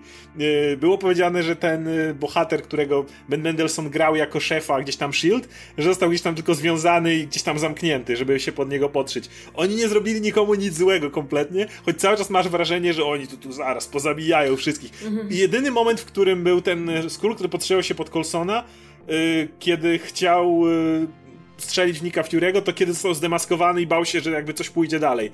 Nie, nie tak, ale z drugiej strony wie, że oni są też zdesperowani i nawet Talos odnosi się do tego, mówiąc do pod koniec, właśnie jak już są te rodziny, że to jest wojna, moje ręce są kompletnie parszywie brudne od krwi, e, ale skupmy się na tym, co jest teraz, więc wiesz, że to jest ta najważniejsza misja. Natomiast jeśli chodzi o samego Bena Mendelsona, to jest w ogóle niesamowite, jak ja dawno temu skreśliłem tego aktora, jak grał w Rogue One, to jeszcze ten jego styl pasował, ale był Ready Player One, gdzie był taki sam. Potem był ten gówniany Robin Hood, gdzie znowu go wzięli, żebyś, ej, Mendelssohn, graj siebie. I, i, i, i siedzę Rób, i taki... rób, rób, rób, rób tego, rób Waltza. No, Waltza, dokładnie, ja, ale ja go trzy... dokładnie, Waltz i Mendelssohn dla mnie stali obok. To są ci goście, którzy zawsze grają tą jedną rolę i nic więcej. I jak go obsadzili do grania głównego złego skróla, to ja od razu, eh, będzie kolejny zły pan imperialistyczny gość. I to, że nagle okazało się, że ten koleś może być przezabawny, że może się bawić tą rolą i widzisz, że on ma kupę frajdy. Proszę Marvel, weźcie Christopha Waltza, bo może się okazać, że on też umie grać, naprawdę. O. A dla mnie to był ten idealny wybór castingowy właśnie z Mendelsonem, żeby zrobić ten, e, ten twist, bo właśnie tylko z Wolcem i z Mendelsonem w tym momencie by ten twist zadziałał, nie? Że wiesz, że biorą aktora, który gra jedną rolę cały czas, nie? I, i on od początku gra, wiesz, wydaje się, bo no, on ma taki charakter, że się wydaje jakby był zły, nie? Bo wiesz, sposób mówienia i to wszystko, ale później jak od momentu twistu rewidujesz te wszystkie sceny, które były wcześniej, nie? To widać, że to jest facet, który ma konkretny cel i nie, nie jest złym gościem. Jak masz tą scenę, to jest genialne, że masz scenę z tortur, tortur, nie? To od razu wiesz, jak e, niby tortur. E, Carol Danvers, nie? Na statku Scrolli ale wiesz, ona wynika z tego, że oni nie umieli się nigdy dogadać z, z Kree. I jak mają Kree, która ma jakieś informacje, to muszą jej to siłą z głowy wyciągnąć, bo wiesz, że jak jej spytają o to, to się za cholerę tego nie dowiedzą, nie? I to był jedyny sposób, nie? I my na to patrzyliśmy w pierwszym momencie jako na tortury, a dla nich to była jedyna możliwość, żeby wyciągnąć coś, co może uratować ich rasę, nie? I wiesz, oni też jej krzywdy nie zrobili, ale my na to patrzyliśmy na to właśnie z punktu widzenia tego, że to są tortury, nie? Że siłą próbują coś tam wyrwać z głowy i zrobić krzywdę. I właśnie jak rewidujesz te wszystkie sceny, no to wychodzi na to, że kurczę, to są e, goście, którzy po prostu chcą przeżyć, nie? Jedyne, którzy naprawdę muszą kogoś zabić, to jest e, przed samą ucieczką, gdy mamy tych strażników Kree, których tam musi zamordować, nie? Ale to jest to, też wynika z tego, co mówił wcześniej, że to jest wojna, nie? I trzeba podejmować decyzje, nie? I niektóre, no, są jakie są, że tam każe dziecku zakryć oczy i musi, musi dokonać egzekucji, nie? To wiesz, z czego to wynika, wiesz, że to jest wojna, wiesz, że wszystkie postacie w tym filmie to są praktycznie żołnierze, nie? Nick Fury, Carol Danvers, Chris, Krale, nie? I oni muszą podejmować takie decyzje, ale one są czymś, e, wiesz, e, z czegoś wynikają. Z tego właśnie, jak, w jakiej sytuacji są skrale i czemu, czemu muszą to robić. I to jest świetnie zarysowane i wybór Mendelsona był kapitalny, bo to jest, kurczę, aktor, który był totalnie zaszflaktowany do tego momentu, a tutaj, gdzie nadchodzi ta scena, w domu, gdzie on wychodzi z tym, tym z tą kolą, nie? I, nie? I zaczyna tą swoją tyradę i mówisz, kurde, przemówienie złego, koniec, nie? To idzie, idzie w tą stronę w jedną możliwą i film zakopany, ale powoli widzisz, jak to się rozwija, rozwija, rozwija. Ej, kurczę, to jest dobry gość naprawdę i mamy to, co się dzieje dalej i jest fantastyczne. Gdy wychodzi rodzina... Nie, Mendelssohn dla mnie jest złotem w tym filmie.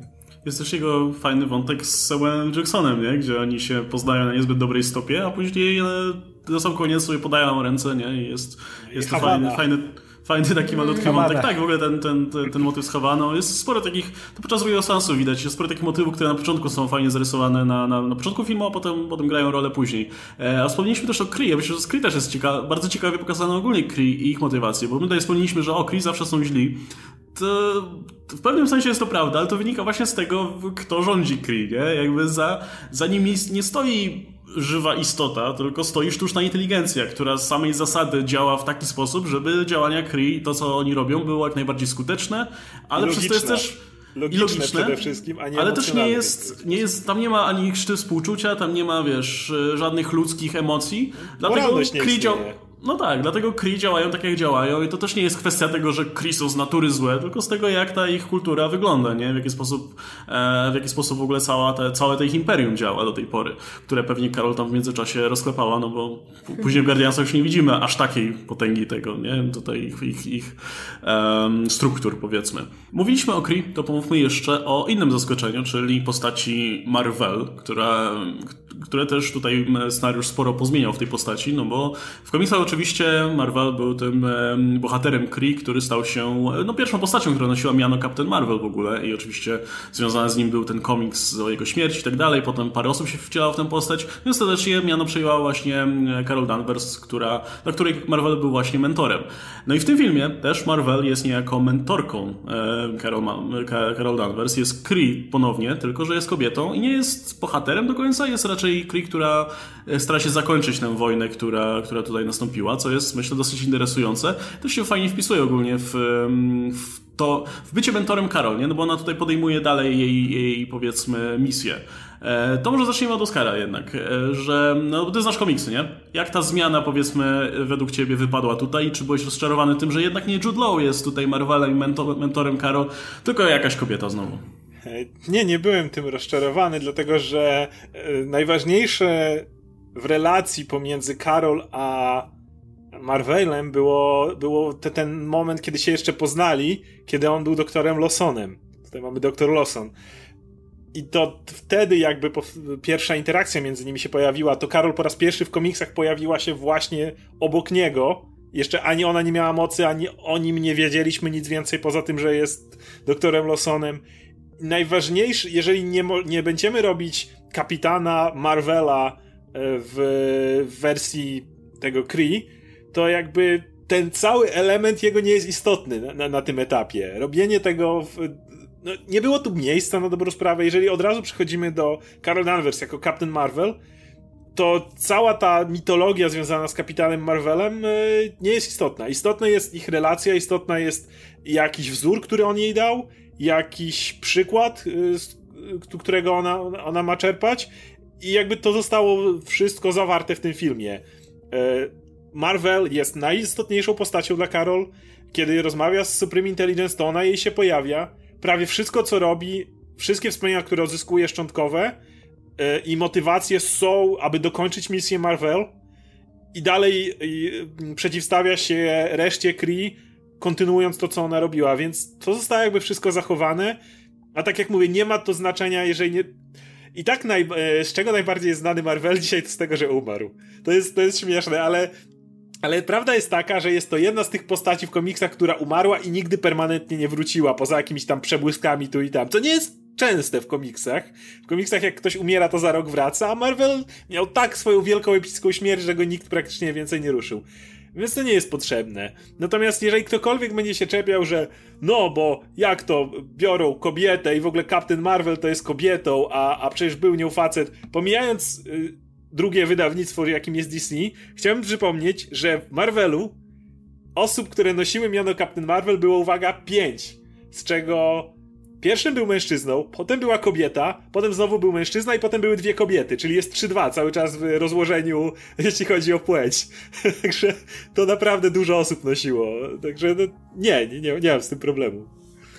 Ja bym chciała jeszcze dodać, że y, konstrukcyjnie to jest w ogóle ciekawe o tyle, że postaci właśnie Lawson nie ma dużo na ekranie, jakby tej ich relacji też, też nie ma dużo, to są głównie, głównie te flashbacki, ale jednocześnie jakby... Mm, Wydaje mi się, że super udało mi się zarysować to, jak ważna to jest postać dla Carol. Właśnie tak jak wspomniałeś, że, że to jej postać przybiera Supreme Intelligence, czyli no, jest to osoba w życiu Carol ważniejsza niż, nie wiem, ktokolwiek z jej rodziny, czy nawet ktokolwiek z jej przyjaciół.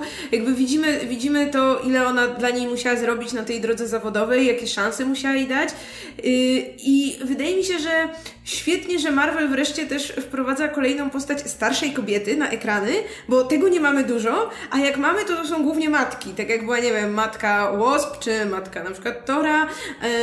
A tutaj mamy właśnie starszą kobietę, na, jakby, która ma jakiś tam swój wątek, miała swoje cele, e, to, że właśnie chciała zakończyć tę wojnę e, i, i, fajnie, fajnie, że idziemy w tym kierunku. Annette Bening była super, tak więc no ja jestem jak najbardziej zadowolona. Mhm, znaczy, mi, jedna rzecz mi troszkę nie odpowiada. To, że ona zginęła, to znaczy ja nie cierpię tego motywu, gdzie mentor musi zginąć, żeby bohater mógł w niejako kontynuować jego dzieło i tak dalej. To działa w filmie, jasne. Jakby Captain Ma w ogóle Captain Marvel to jest ten film, gdzie jest masa elementów, których nie jestem do końca fanem, ale one działają tutaj. Przejdziemy jeszcze za moment do antagonisty, to, to, to też jest podobna historia tam.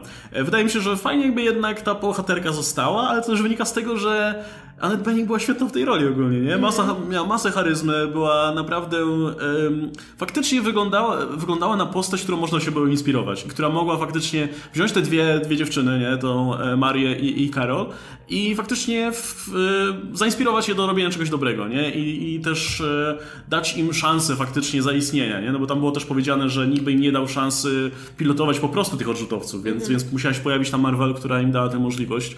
E, I trochę żałuję, że jej nie będzie już, chyba że no, w jakichś flashbackach i tak dalej będzie się pojawiać. Nie, Ale ja bym ją widział dużo, dużo więcej mimo wszystko tej na ekranie. I kto wie, czy się nie okaże na przykład w jakimś sequelu, że to ona była matką Karol, nie? No bo to też jest taka opcja. Nie powiedziano nam dokładnie tego, ani ani nic w tym stylu.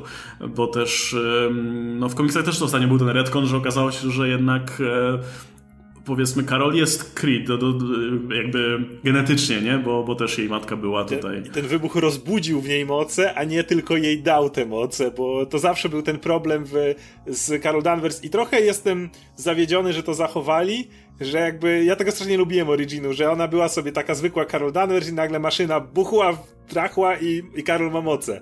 I jakby nie lubiłem tego zawsze i bardzo podobał mi się ostatni ten retcon, w którym dodano jej, że ona jednak jest córką bohaterki Kree, która jakiegoś rodzaju moce posiada, a to ta maszyna niejako zwiększyła jej moce, trochę jej rozbudziła, no to tak bardziej dalej zostawiam, że to jest ona, a nie jakiś tam zewnętrzny czynnik, który, który ją tam dopakował. E, Ale to cały czas jest możliwe. To jest najlepsze, to cały czas jest możliwe, bo we wszystkich flashbackach widzieliśmy tylko i wyłącznie ojca Karol, nigdy nie pojawiła się jej matka, więc to może być Marvel, to może być przyjaciółka Marvel, która jej pomagała. Możesz pójść w każdą stronę z tym. Jest jeszcze jedna rzecz a propos Lawson. Bardzo podobał mi się ten motyw, kiedy ona się pojawia jako Supreme Intelligence. Zresztą wtedy e, e, Benning się świetnie bawi tą rolą, kiedy jest już Supremorem, który w, pod koniec, e, jak leci Come As You Are. I ona jest maksymalnie wtedy e, podobna do kapitana Marvela w komiksach.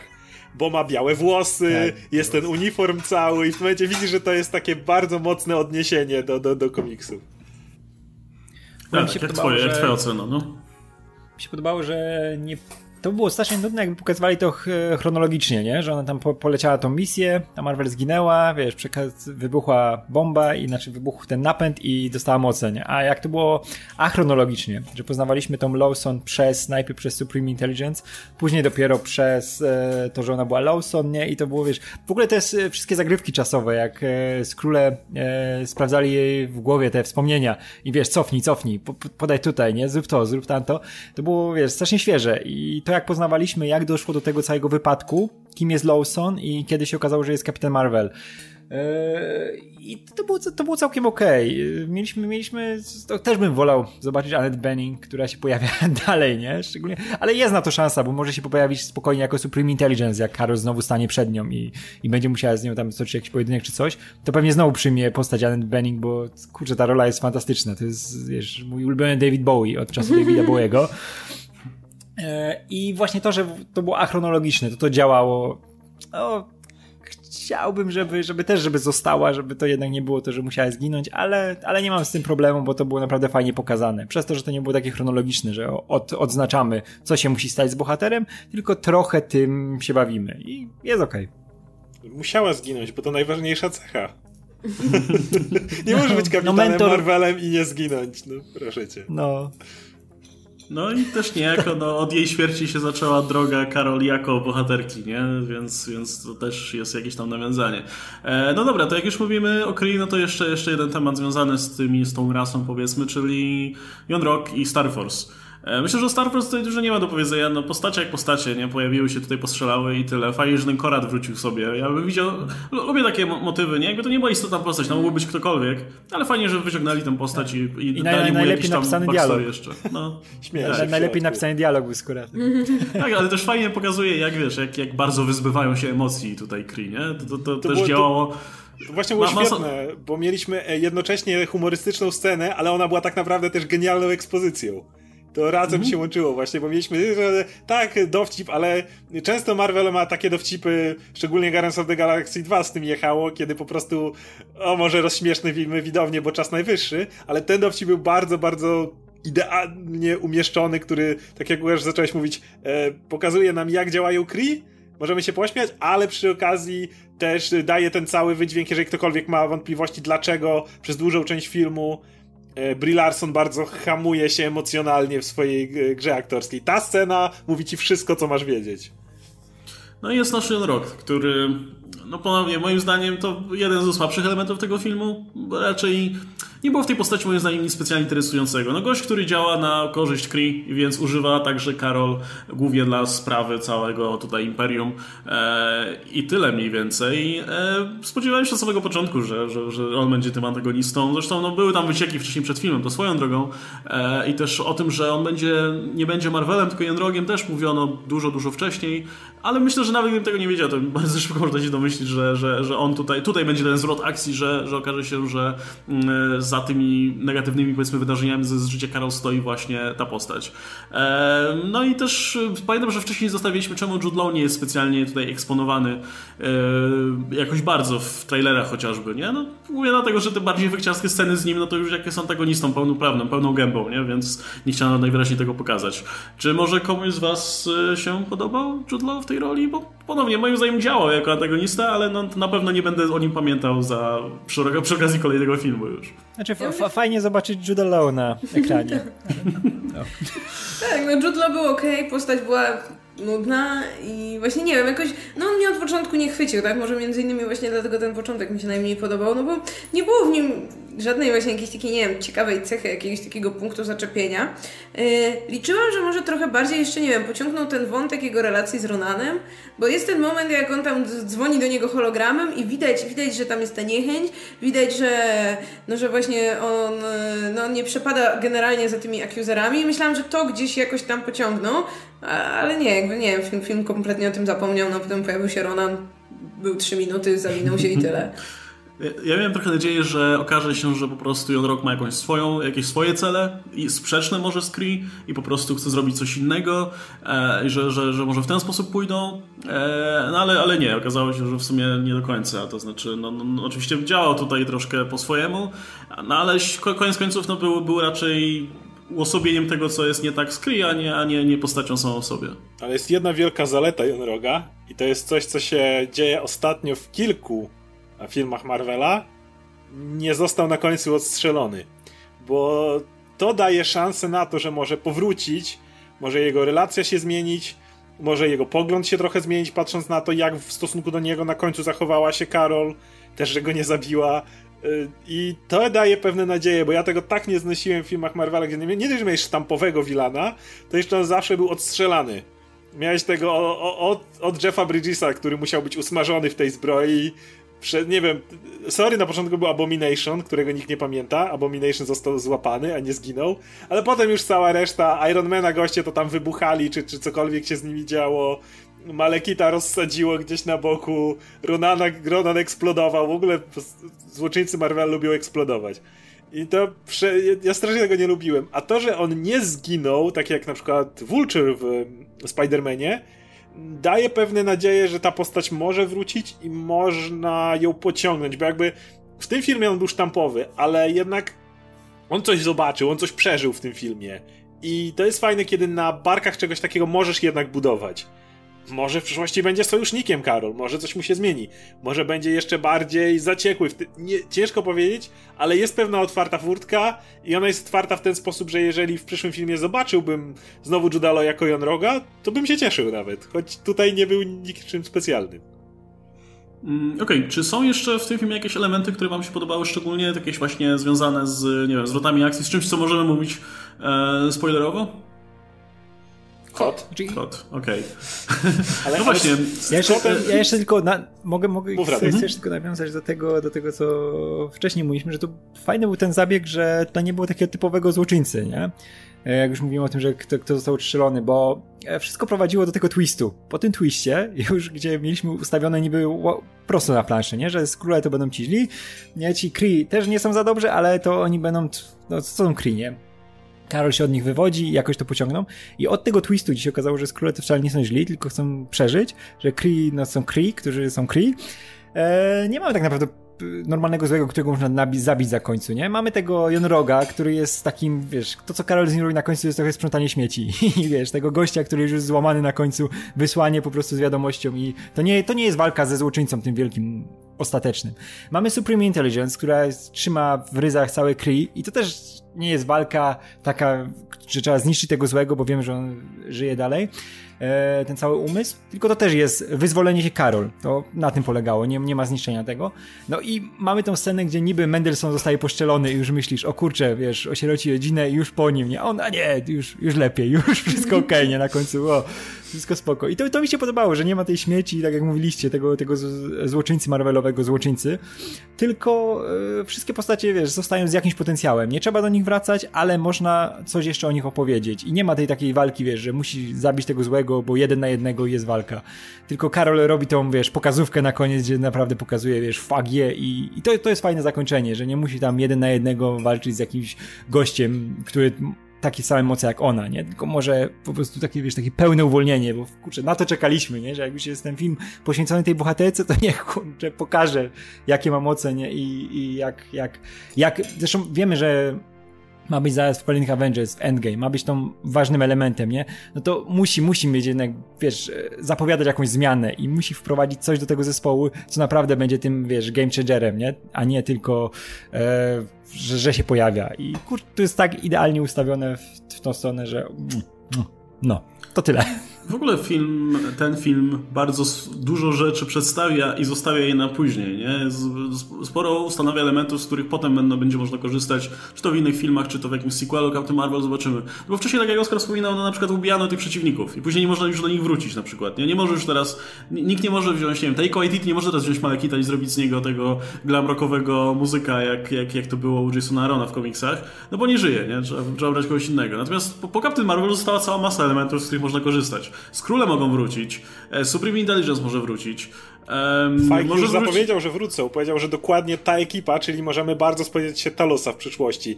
Nic dziwnego, przez jak widownia go pokochała, ale już Fajki to zapowiedział na tym etapie.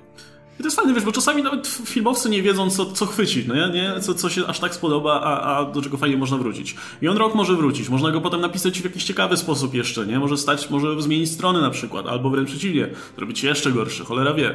Ehm, ale są też takie elementy, które właśnie szczególnie mi się podobają. Na przykład bardzo podobało mi się to, jak ustanowiono tutaj e, Monikę Rambo, czyli tą córkę Marii. Zresztą Maria też była bardzo fajną postacią, ale myślę, że tutaj nie ma dużo więcej do dodania, jeśli o nią chodzi. Chociaż no, to myślę, że dużo wniosła tutaj. E, jeśli, jeśli macie ochotę, to, to, to możecie coś dodać. Natomiast y, Maria została właśnie za, za nakreślona. Mo, faktycznie ta postać będzie mogła się w sposób inspirować Karol, no bo ma czym w tym wypadku. Ma, inny, ma, ma inną oczywiście kobiecą role model w tym filmie, czyli jej, jej mamę, która na końcu e, no też robi wielką rzecz, nie? I, i zresztą sama córka ją do, do tego namawia. E, jest też ten fajny foreshadowing, że no, że ona będzie chciała powitać Captain Marvel jak wróci. E, I, i Nick Fury mówi, że tylko jak sama zacznie świecić, jak, jak Carol. E, a w, w komiksach, jeśli ktoś nie wie, no Monika Rambo jest też super bohaterką, ma też tutaj bardzo ciekawe moce. Przez długi czas nosiła miano Captain Marvel przed Więc kto wie, no właśnie. E, więc kto wie, czy na przykład w sequelu Captain Marvel Monika, Monika nie dostanie tutaj możliwości zabójstwa jako superbohaterka. E, zresztą to też fajna rola w tym, w tym, w tym filmie samym. No jest też Gus, o którym wspomnieliście wcześniej, który też E, nie wiemy, co się z nim stało do końca, no bo on w tym filmie też nie ginie, ani nie znika, nic takiego, że siedzi sobie tam u Nika Fury'ego.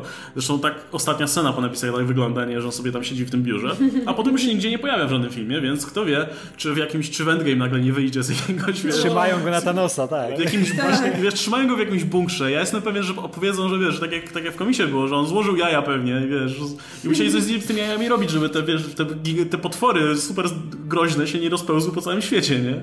Więc podejrzewam, że to też być może wróci prędzej czy później. Właśnie a propos Gusa i będę chciał e, usłyszeć przede wszystkim zdanie Marty na ten temat, bo my hmm. znamy komiksy.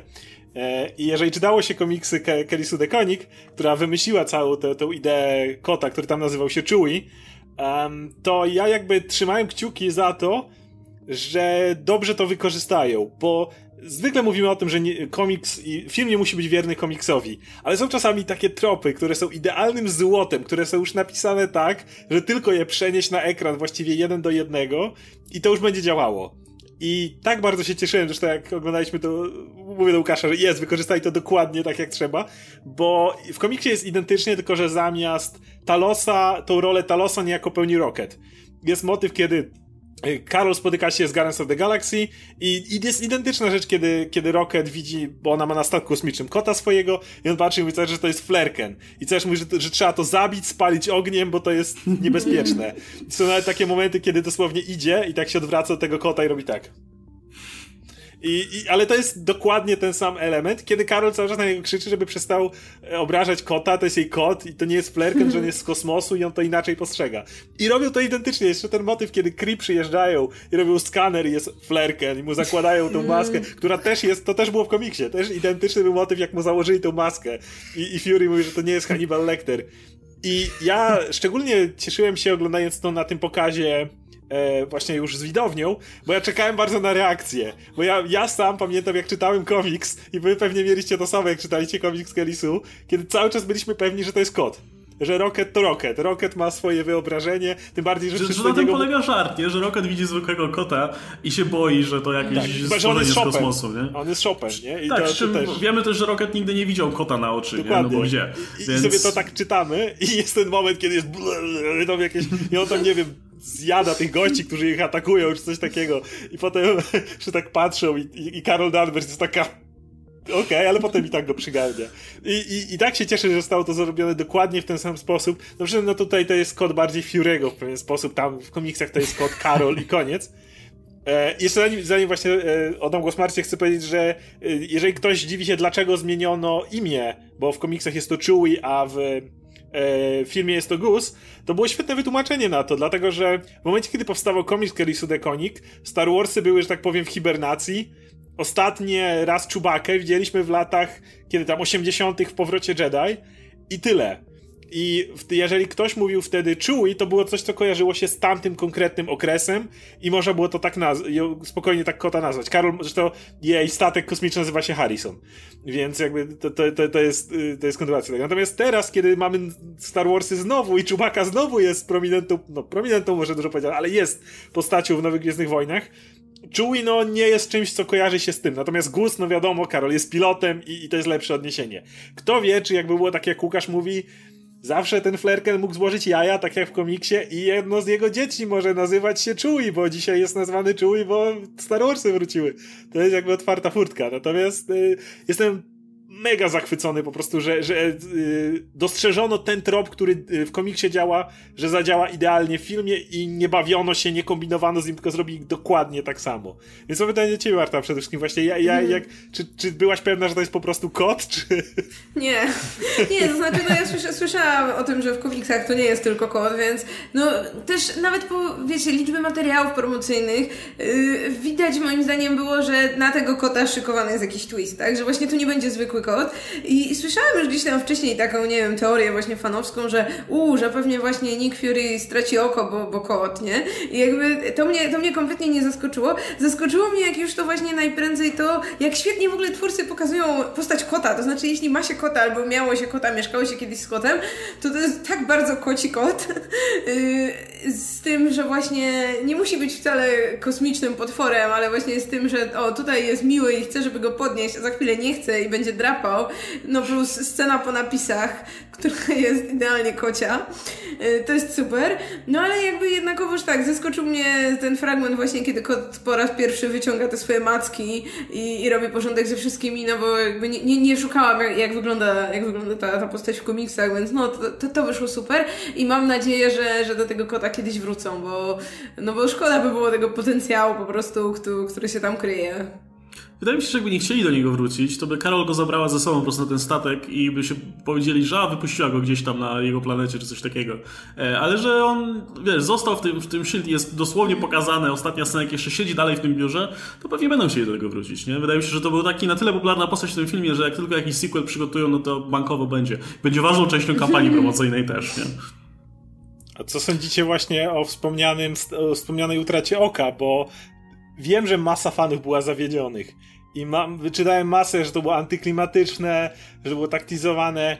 Moje zdanie jest takie, że jeżeli coś jest zbytnio tizowane y, przez lata i zrobi się, rośnie do tej taka zagadka, jak to się stanie, cokolwiek, jakkolwiek dramatycznie byś tego nie zrobił, byłoby to tanie. Czy byłoby tak, jak tutaj Fury ukrywa, że z Creamu wypalili, czy był jakiś wybuch bomby, który by mu to rozwalił, to byłoby takie zwykłe na tym etapie, to byłoby takie, a okej, okay, tak stracił oko. I nie, nie dałbyś rady sprostać oczekiwaniom w żaden sposób e, tego, jakby jak, jak się ten mit, tajemnica straty oka Fury'ego podbudowała. Natomiast e, zrobienie tego w ten sposób jest jeszcze o tyle, jest, mnie bawiło osobiście, a jest jeszcze o tyle dobre, że y, to jakby jeszcze bardziej y, pokazuje, jak Fury podbudowywał swój mit. I ten element, że te, te, te, to, co krążyło wokół tego, i to pokazuje, jak ta plotka może urosnąć zawsze i znacznie spotęgować to, co faktycznie się tam wydarzyło. Zresztą ja czekam, aż Talos kiedyś wróci i będą próbowali e, ograć to, bo Talos wie, jak Fury stracił oko mm. i będzie wokół tego. Co, jakie jest wasze zdanie?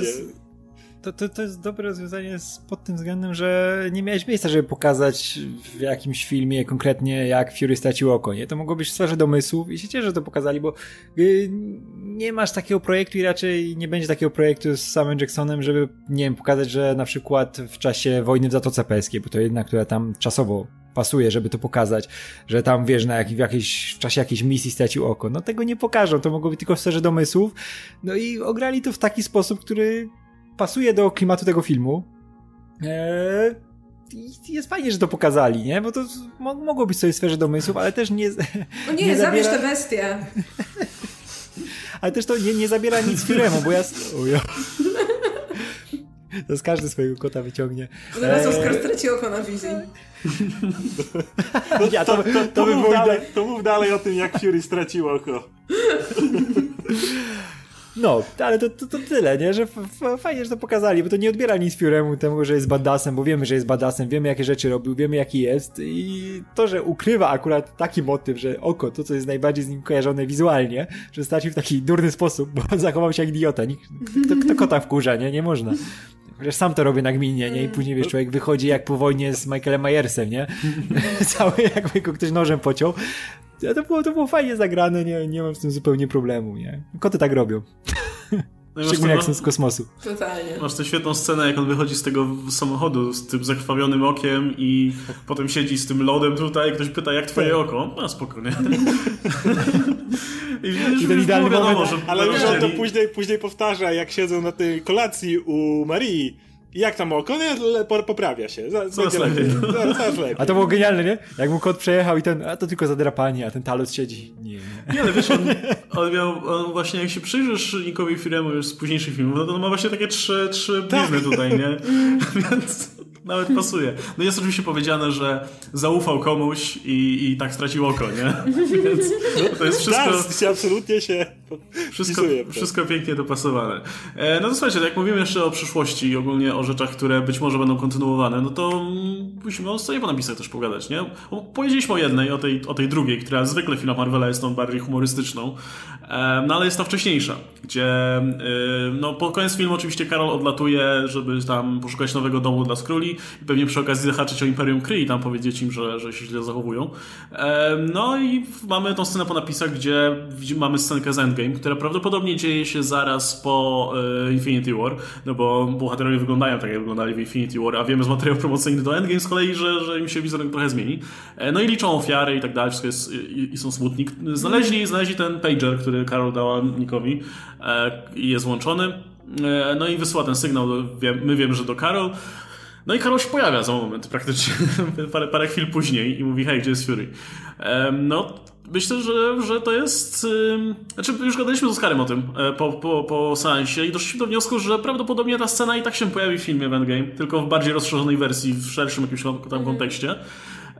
Ale czy myślicie, że to pokazuje, e, że to mówi nam jeszcze coś więcej o tym samym filmie? No bo E, wydaje, wszyscy się spodziewali, że nie wiem, że Captain Marvel przyleci, nie wiem, zahaczając tam, nie wiem, Tonego Starka po drodze go zwijając tam gdzieś z, tej, z, tej, z, tej, z tego statku, gdzie on tam dryfuje po tym kosmosie, nie, czy że może pojawi się dopiero później w tym filmie. Okazuje się, że ono będzie w tym filmie od samego początku. Myślicie, że to dobre rozwiązanie? Super, jakby im więcej Karol, tym lepiej. E, no właśnie, super jeśli pokażą, bo prawdopodobnie tak spodziewamy się, że tam będzie gdzieś jakiś ten przeskok czasowy.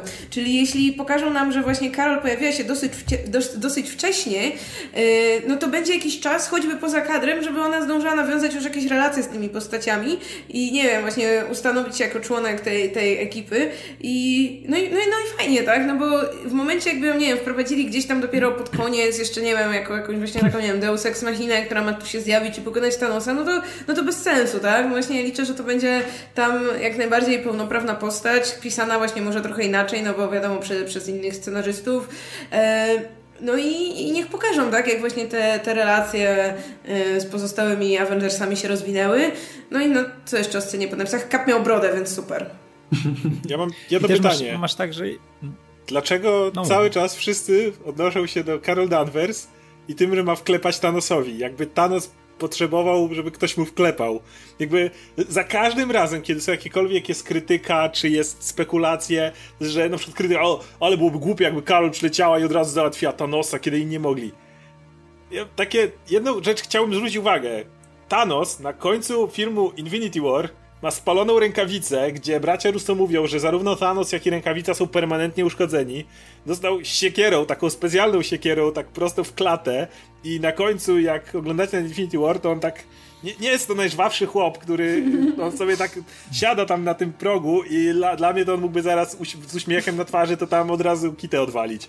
W sensie Carol Danvers nie, nie musi walczyć z Thanosem i nie musi go mu wpierdzieć. Ja bym bardzo chciał w ogóle, żeby ten film się zaczął od tego, że oni tam lecą do tego Thanosa, przylatują, a on tam jest już taki, wiecie, już, już ledwo się, już tam jeszcze im tylko mówi, że na, nara wam idzie, i, i umiera i koniec, nie ma go.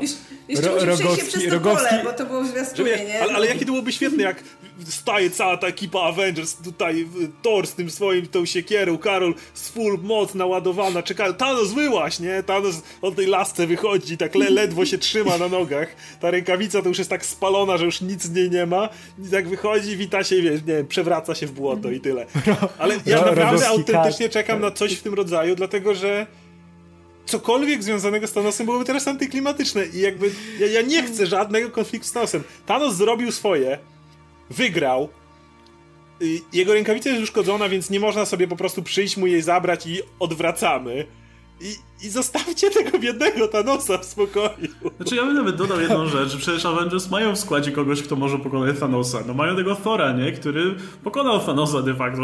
Rzucił mu tą, pokonał most tej rękawicy, rzucił mu tą w, kla w klatę tym y, młotkiem i Thanos powiedział, żeby mógł celować w głowę. Podejrzewam, że jakby Thor celował w głowę, to by go zabił czy, czy, i, by nie miał jak strykać tą rękawicą. Więc de facto, gdyby się zebrali i wzięli tego Thora i, i ruszyli na Thanosa, no to mogliby mu wklepać i nie byłoby problemu. Jakby Karol nie jest potrzebna do tego, nie? Totalnie widzę rogowski kat, pierwsza minuta filmu Avengers Endgame. Thanos umiera na ganku swojego Dobrze. domu. Nie? ale, ale gadaliśmy też o tym Łukaszem po, po się Captain Marvel, że jakby dzięki, jeżeli Thanos umrze praktycznie na początku, to automatycznie będzie o tyle film ciekawy, że po pierwsze, nikt nie będzie wiedział, w którą stronę idzie ten film i nie będziemy mieli już wtedy jakichś oczekiwań wielkiego finału, bo nikt nie wie gdzie. Sami nasi bohaterowie będą w kompletnej dupie, dlatego że y, gość, który wiedział jak tego użyć, jak to zrobić, umarł, nie da się już z niego nic wyciągnąć na tym etapie, więc yy, mówię, ja, ja, kompletnie nie chcę, dlatego nie chcę, żeby wracając do Karol, żeby ona była jakimkolwiek właśnie Deus Ex Machina, żeby ona była jakimkolwiek rozwiązaniem, bo, bo problemem nie jest Thanos na tym etapie. Thanos może sobie tam siedzieć i oglądać wschody, zachody słońca i, i, i, i wydaje mi się, że on tam ledwo żyje. Jakby problemem jest to, że straciliśmy połowę populacji galaktyki, a tak jak Łukasz mówił z kolei wcześniej, moce Karol jakby wielkie nie były, no nawalając, nie wiem, jak to w DC było, granice rzeczywistości, nie możesz tego odwrócić waląc z pięści. Więc e, odejdźmy od Thanosa, jakby nie, mówię, jak zostawcie Britney w spokoju, więc... Y, ale nie no, ale wie, wiesz, że, wiesz, że muszą, muszą lecieć do Thanosa, bo to jest jedyny typ, który czai, co się stało i wie jak, jak, jak i co, nie? Bo oni nie mają innego punktu zaczepienia, dlatego Cab mówi, nie, że, że kurczę, no trzeba, trzeba. A wiesz, że Kapitan Marvel się pojawia przez to, że ona ma, e, wiesz, te resources, żeby w jakiś sposób się udać w ogóle w kosmos i do Thanosa. Jedynie, tak, jedyne ma środek transportu w tym momencie. Była ta już pierwsza scena, e, o której słyszeliśmy, która była pokazywana, ten fragmencik Endgame, który był pokazywany mm, nie pamiętam z jakiej tam okazji. E, tutaj spoiler w spoilerach, bo mówimy o spoilerach do Captain Marvel, ale tu będzie spoiler do Endgame, więc uwaga.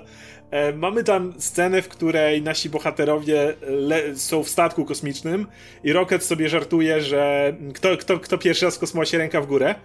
I e, idea jest taka, że ci bohaterowie mówią, że muszą polecić do Thanosa, i kap... właśnie Karol między innymi chce, jest na zasadzie, dobra, to gdzie ten Thanos? Dawajcie mi go. I Nebula mówi, że wie gdzie on jest, bo tam on do ogrodu miał polecieć. Czyli jakby to nie jest problem, oni wiedzą gdzie jest Thanos. Jeżeli mają sposób poruszania się, a Captain Marvel nie potrzebuje statku kosmicznego nawet, to mogą w każdej chwili się tam udać, więc jakby rozwiązanie tego w ten sposób byłoby dużo zbyt, pro... zbyt proste. I jest motyw, że oni się pakują na ten statek kosmiczny i od razu lecą. Myślę, że to jest pierwsze 20 minut filmu. Może, jak oni się zabiorą i polecą do tego Thanosa. I nie zdziwię no, się... Też do tego, do tego ten teaser nawiązuje, nie? Że na pewno, wiesz, ten, ten moment jak, jak Black Widow gada ze Steve'em, że na pewno chcesz to zrobić? On tak, no bo jak to nie wypali, to nie wiem co, nie? Dokładnie. Wydaje mi się, że to będzie na tej zasadzie, że oni właśnie w miarę wcześnie polecą do Thanosa, to nie wypali i potem będziemy mieli przeskok czasowy. Y, bo będziemy w tym miejscu, w którym nie wiemy, co się dzieje. I to, że Karol pojawiła się tak wcześnie, to też pokazuje jakby zmianę dynamiki. Mówię, ja jestem prawie pewien, że to będzie na zasadzie takiej, że ona przyleci, okej, okay, jest Karol, mamy działo, możemy lecieć w kosmos, lecimy. No, niestety odnalezienie czy wpierdolenie Thanosowi nie jest rozwiązaniem problemu i od tej pory zacznie się de facto film i wtedy jest ten motyw, kiedy widzimy na przykład Nataszę, która ma dużo dłuższe włosy, więc wiemy, że jakiś czas upłynął pomiędzy tym i, i, i to jest dalej. I, I tak jak Marta mówiła, Karol cały czas wtedy z nimi była czy może ona poleci, czy mogli ją wysłać w poszukiwania Tonego, jakby to dalej się nie wyklucza z tym, że Karol może pomóc Tonemu, bo, bo może, bo to cały czas może się jakoś połączyć, ale wiemy, że ona będzie w tym składzie prawie od samego początku i tak jak mówię, wydaje mi się, że Russo są na tyle na tyle znają się na, na, na, swoim rzemiośle, że wiedzą, żeby natychmiast ustanowić, że Karol, Karol rozwalająca Thanosa nie jest rozwiązaniem problemu. Myślę, że to będzie ustanowione tak szybko, jak tylko się da.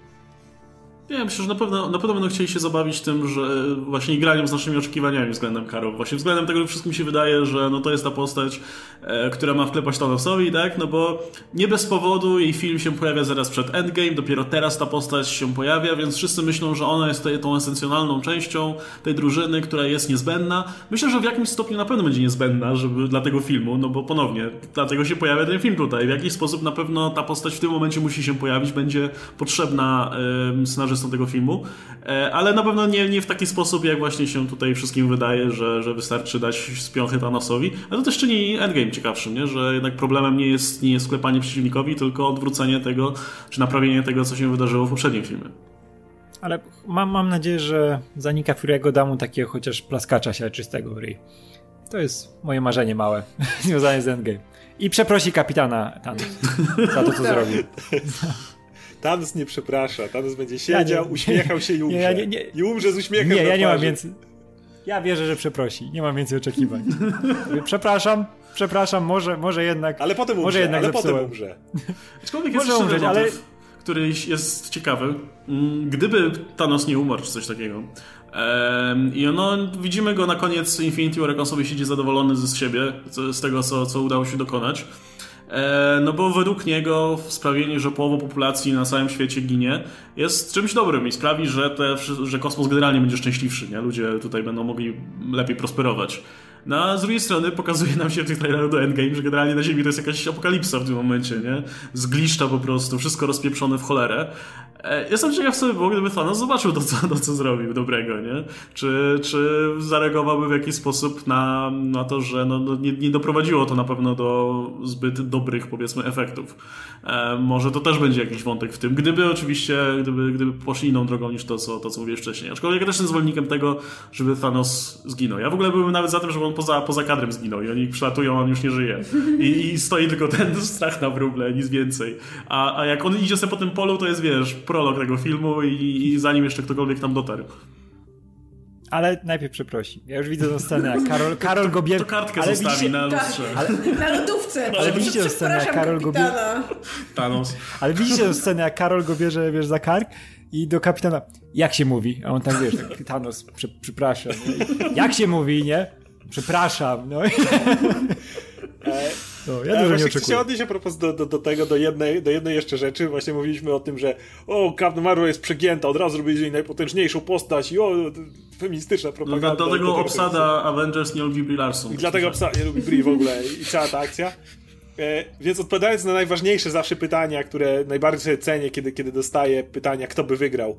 E, to, to, kto by wygrał? To, jest, to jest klucz. Kto by wygrał? klucz. E, w którym momencie, przepraszam, ale zobaczyliśmy w całym filmie Ka Captain Marvel, że Captain Marvel robi coś więcej niż na przykład robił Thor. Bo jak Thor się pojawia w Wakandzie, to wszystko rozpieprza, rozpieprza statki kosmiczne też, które tam wiszą sobie i to tam piorunami e, na lewo i prawo i jeszcze tak jak Łukasz powiedział, właściwie rozpieprza Thanosa. I nagle jest wielki problem, co by było, gdyby Karol przeciała i rozpieprzyła Thanosa, w sensie oglądaliście tamten film? Bo ja tak. I...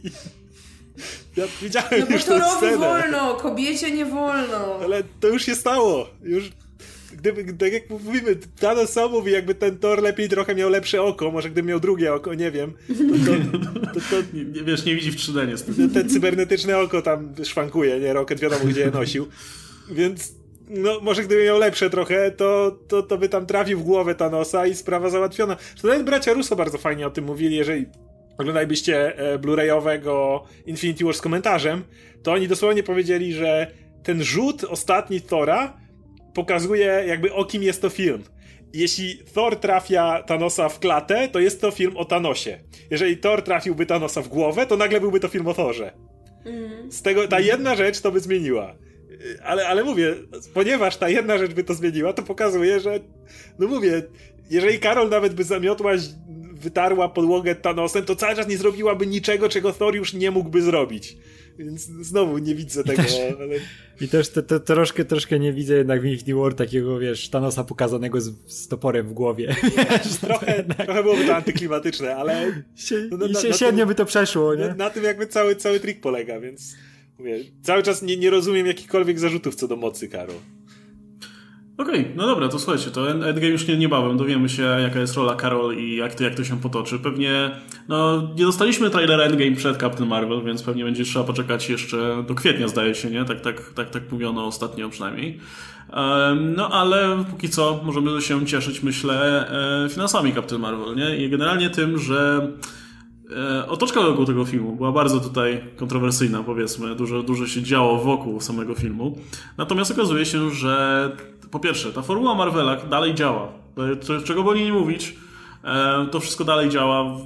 Nawet ten marketing, odnośnie którego mieliśmy trochę wątpliwości, szczególnie jeśli chodzi o te pierwsze trailery, które były trochę niemrawe, też udało się jakby naprawić, powiedzmy, e, i, i pokazać ten film w trochę lepszym świetle, biorąc pod uwagę też ile, ile jakie otwarcie ten film zanotuje.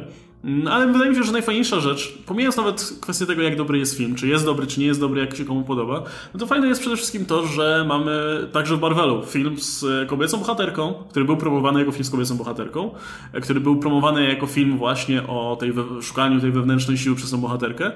E, no i okazuje się, że publika chce takie filmy. I okazuje się, że, że z, tłumnie rusza na, na, na tego typu produkcje, nawet mimo tego, że jest to film o postaci, która wcześniej nie była w tym uniwersum ustanowiona, a wiemy, że te filmy zarabiały całkiem dużo mniej.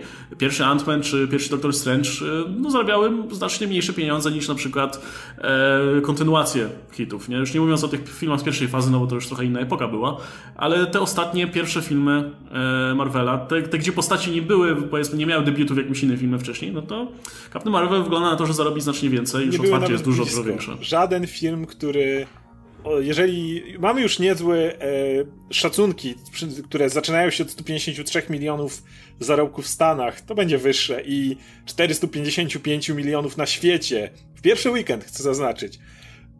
E, na ca- no właśnie, żaden film, który miał bohatera, którego znikąd nie znamy, który w pierwszym film, który go wprowadza, jest jego solowy film, to nie był nawet blisko. Bo jasne, ostatnio Aquaman czy Black Panther zarobili dużo. Znowu nie jakoś kosmicznie dużo więcej, jeżeli patrzę na otwarcie. Ile Aquaman miał otwarcia swoją drogą? Pamięta ktoś może? Wiesz co, nie aż tak dużo właśnie. Z, właśnie? Wiesz co, to kontynuuję, a ja w tym czasie sprawdzę. Więc y, nawet, jednak te filmy mają łatwiej. Aquaman jeszcze może nie do końca, bo Justice League może nie zrobiło mu największej przysługi, ale tak już Black Panther był cholernie ważny, jeżeli nie patrzeć obok konfliktu Tonego i Kapa w Y, Civil War. Następna najważniejsza postać to był definitywnie T'Challa. Więc on miał ogromną podbudówkę, jeśli chodzi o, o swój film. Karol wchodzi znikąd. Wszystko, co o niej wie przeciętny widz, to, że ma pager, że jest jakiś pager z jej znakiem na końcu w scenie po napisach i to jest wszystko.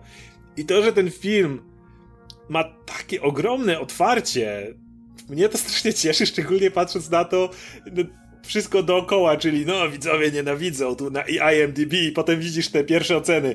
Mm, masz te numerki, gdzie masz 9, 8, 7, szczególnie te 7, 8 to jest tam lwia część ocen, potem wiadomo jakaś tam drabinka i masz te nie wiem, 5 czy 6 tysięcy przynajmniej na, na początku na 10 i drugie tyle czy nawet trochę więcej na 1. I, I tak myślisz, no nie, to w ogóle nie wygląda jak dziwne zakrzywienie. W sensie, jak wyrzucisz tą dziesiątkę i jedynkę, to nagle masz całkiem jakiś rozkład, nie? Więc patrząc na, na te wszystkie nagonki, mówię, wystarczy wpisać na YouTubie Brie Larson i, i, i zobaczycie te wszystkie materiały. Pierwsza, pierwsza wtopa finansowa Marvela, czyżby? Ma, o, Marvel niezadowolony z filmu. Captain Marvel przyszłość niepewna. Coś tam zawyżone i, i masa tego typu rzeczy. No, nie, nie, nie weryfikuje się, więc mnie to cieszy. 67 e, milionów miał Aquaman na otwarcie w USA, więc znacznie, znacznie mniej. wow. No, ale to wiemy z czego to wynika też, no, z tego jak te filmy DC wyglądały wcześniej, nie? No, to, to, to, też, to też był taki problem. Jednak czego by nie mówić o Captain Marvel, to też myślę, że renoma filmów Marvela ogólnie te, też myślę, że du, du, dużą rolę tutaj zagrała. Wszyscy wiedzą, że te filmy nie schodzą poniżej pewnego poziomu, nie? Są lepsze, gorsze, ale, ale no, za, zawsze się do jakiegoś tam poziomu trzymają. Warto też jeszcze a propos tego, co wspomniałeś, wspom- e, powiedzieć o tym, że też Captain Marvel nie jest specjalnie e, popularną bohaterką, która by była w jakiejś świadomości popkulturowej, nie? No bo Wonder Woman istnieje od kurczę, wielu dekad, nie? A Captain Marvel pojawiła się w tym wydaniu Karol, jako Carol Danvers pojawiła się w 2012 roku, to jest wczoraj praktycznie, nie? I mimo tego udało się taką kompletnie nową bohaterkę, e, a nawet patrząc na y, to, że to miano istniało w komiksach od jakiegoś tam czasu, to też była zawsze ta druga, trzecioplanowa postać, nie? Nigdy to nie był, nie, nie, nie był bohater na pierwszym planie. Udało się sprzedać w ogóle nieznaną bohaterkę do tej pory, kompletnie nową dla wielu widzów, nie? Więc pytanie jest takie, czemu te bojkoty tutaj nie zadziałały? Co się stało? Znaczy w ogóle super jest to, że widzowie zagłosowali portfelami, że tak powiem, i udowodnili tym, e, tym osobom właśnie, które wierzyły w jakieś tam bojkoty czy spiski i tak dalej, że chcą oglądać takie filmy, że mimo tego, że przecież dopiero co była Wonder Woman, no to właśnie jest zapotrzebowanie na oglądanie mm, filmów z kolejną superbohaterką.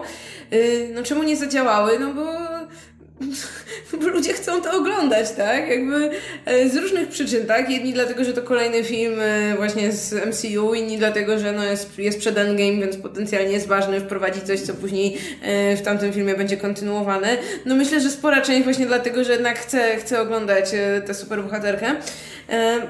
Tylko, że no wydaje mi się, że jakby tak czy siak dalej będzie grupa osób, która będzie ślepa na ten sukces finansowy i tak jak jest ta grupa ludzi, która uważa, że Disney zniszczył Gwiezdne Wojny i że The Last Jedi było, nie wiem, komercyjną porażką, mimo że zarobiło po prostu dzikie, dzi, dzikie pieniądze, to i tak no będą ci, ci nieprzekonani, którzy dalej będą twierdzić, że nie no, Captain Marvel to w topa Marvela, nikt tego nie chce, po co to komu.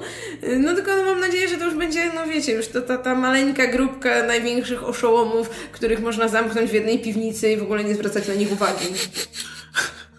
E, no bo była mowa przecież wcześniej o tym, że Brie Larson odstrasza tutaj korową publikę tych filmów, nie? No bo wiadomo, że te filmy są dla mężczyzn.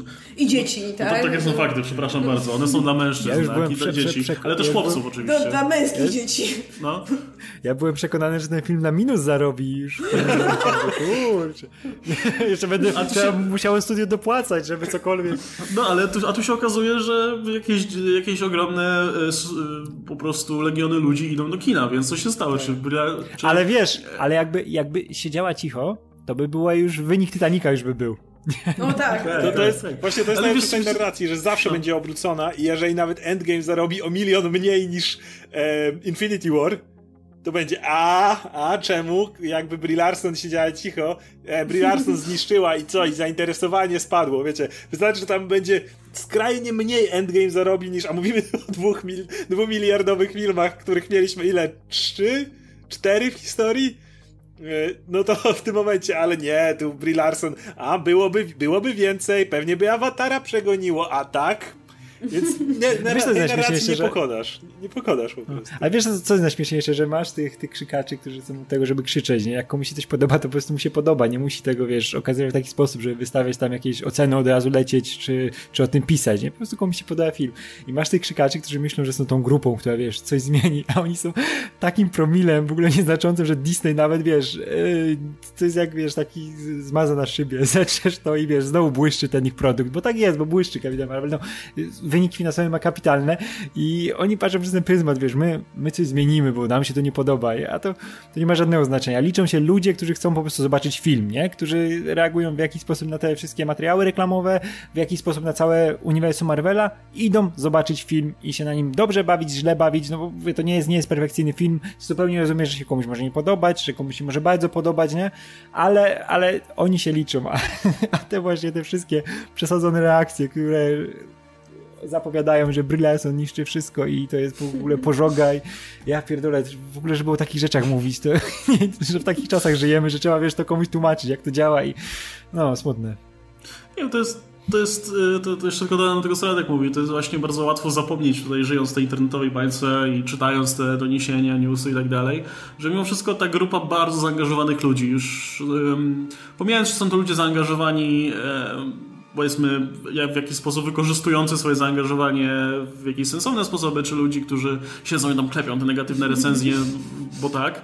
E, niezależnie od tego, jakby ta grupa takich bardzo zaangażowanych osób to jest mimo wszystko naprawdę mały procent osób, które, które mają zarabiać na te filmy. Nie? I to już mówiliśmy przy okazji Gwiezdny Wojen dawno temu, kiedy wydawało się, że nikt nienawidzi The Last Jedi na przykład. Znaczy, że wszyscy nienawidzą, odwrotnie, wszyscy nienawidzą The Last Jedi. Podczas gdy no, to nie do końca jest prawda, bo, bo jednak ta, ta, ta, grupa osób, która tak bardzo przeżyła te filmy i tak bardzo się tym zajmuje, to, to nie jest, to jest, to jest mniejszość, nie? Ci fani to jest mniejszość zawsze, zawsze mimo wszystko publiki, która na te duże hollywoodzkie filmy chodzi. Większość osób to są po prostu rodziny z dziećmi, którzy idą na film Marvela, bo wiedzą, że filmy Marvela są spoko. E, i, I tyle. I wydaje mi się, że te wyniki finansowe to w dużej mierze po, potwierdzają po raz kolejny, ale myślę, że dawno już od czasu Last Jedi nie było aż takiej dużej dramy odnośnie filmu. I wydaje mi się, że to jest dobry moment właśnie, żeby ten film pokazał, jak to działa, nie? Jak, jaka publika faktycznie na te, na, na te filmy chodzi. W ogóle, co mnie osobiście wkurza, to, to cały czas cytowanie wyrwanego słowa z kontekstu Brie Larson, bo w swojej nawet recenzji powiedziałem, że Brie Larson mogłaby się lepiej wysłowić, ale z drugiej strony yy, trochę mi głupio teraz z tego powodu, dlatego że jej wypowiedź oglądałem już jakiś czas temu i pamiętałem, że to słowo padło, ale przez tą całą nagonkę, na nagrzanie po prostu, yy, który cały czas był ładowany w internecie, no to cały czas pamiętałem o tym jednym tekście, więc yy, jeszcze raz sobie obejrzałem całą wypowiedź Brie Larson i ona mogłaby się wysłowić yy, inaczej, jeżeli bardzo zwracałaby uwagę na to, że masa ludzi to debile. Bo ten tekst jej o ten moment, kiedy mówi, że nie interesuje ją, co biały gość ma do biały gość po 40 ma do powiedzenia o Wrinkle in Time, brzmi tak zupełnie inaczej niż ci goście chcieliby, żeby brzmiał, jeżeli posłuchasz całej jej cholernej wypowiedzi. Ta cała wypowiedź nadaje pięknego, piękny kontekst temu jednemu fragmentowi, który został wyrwany i jest używany jako ta tarcza, albo raczej jako ten, ten napalm, którym się rzuca po prostu. I jeden z moich absolutnie ukochanych cytatów ostatniej dekady w popkulturze w serialu Star Trek Discovery, gdzie Jason Isaacs grający kapitana Lorkę mówi Context is for the Kings. To jest według mnie jeden z moich absolutnie ulubionych cytatów ostatniej dekady. I naprawdę taki, taki apel do wszystkich, jeżeli słyszeliście, że Brie Larson coś takiego powiedziała i tak dalej, ten filmik jest na YouTubie każdej chwili możecie tam kliknąć i wysłuchać jej całej wypowiedzi. I słuchajcie jej całej i wtedy ustosunkujcie się do tego jednego małego wycinka, czy on faktycznie jest taki, jak ci goście próbują go widzieć. Bo już miałem niejedną rozmowę nawet z osobami z jakichś znajomych dalszej rodziny czy coś takiego, że mówią, że nie pójdą na tą Captain Marvel, bo, bo słyszał, że Brit to opowiedziała. I mnie wtedy krew zalewa. Słyszałeś, że ona to powiedziała? Żyjemy w kulturze, która cały czas mówimy o tym, jak szkodliwe są e, niesprawdzone newsy. Jak cały czas duże portale, w tym w Polsce, ładują plotki bez nawet informowania o źródle. My w napisach końcowych zawsze staramy się podawać źródła. Jeżeli nie podajemy źródła, to możecie nam to wytknąć i posypiemy głowę popiołem i się do tego przyznamy, bo to jest beznadziejne niepodawanie źródła. Ale kiedy mówimy to w kontekście tego plotka, no słyszałem, że nie wiem, e, kto tam, Pattison gra nowego Batmana. E, tak, to jest głupia plotka, ale ona nie jest jakaś szkodliwa. Jakoś tam może zaburza rozmowę, jeżeli ktoś zacznie na to się powoływać, ale to jest plotka taka. Natomiast to jest dalej te same zjawisko, tylko spotęgowane właśnie przez przekręcanie i wyciąganie e, słowa aktorki z, kompletnie z kontekstu i powielanie tego. I to jest po prostu pompuje się non-stop. Co mnie natomiast cieszy w tej całej akcji, to że ewidentnie większość publiki ma gdzieś te rzeczy, ewidentnie ich recenzje widzów nie obchodzą. E, tak, recenzje mają znaczenie, zresztą Brie Larson dokładnie w tej rozmowie o tym mówi. Mówi, że one wpływają często na box office, na kontynuację, ale no są recenzje i recenzje. I nawet powołując się na coś, na co nie powinno się powoływać, czyli, nie wiem, licznik widowni na IMDb, to widzimy też, że ci goście dosyć szybko tracą paliwo, bo jak popatrzycie na Captain Marvel teraz, no to jest ten dziesiątka, jedynka, wiecie, wywalona, ale już to zaczyna się powoli rozmywać. Jak klikniecie na Last Jedi, to tam y, jest ten mały ogonek jedynek, jak popatrzycie, który widać został po pobojowisku, ale generalnie przy tej ilości osób, która przez kolejny rok, dwa głosowała, no to już się, no nie, nie, nie dwa, tylko rok z hakiem, e, no to już widać, że to się rozmyło. To już widać, że ci krzykacze najwięksi już y, bitwa zakończona, spowiedzieliśmy co mieliśmy, szeregi były zwarte, zagłosowaliśmy, ale już potem nie, nie, nie trzymali tego. Więc to, to, się rozmywa i wydaje mi się, że, że to, to, to na szczęście to jest, to jest akurat dobre zjawisko.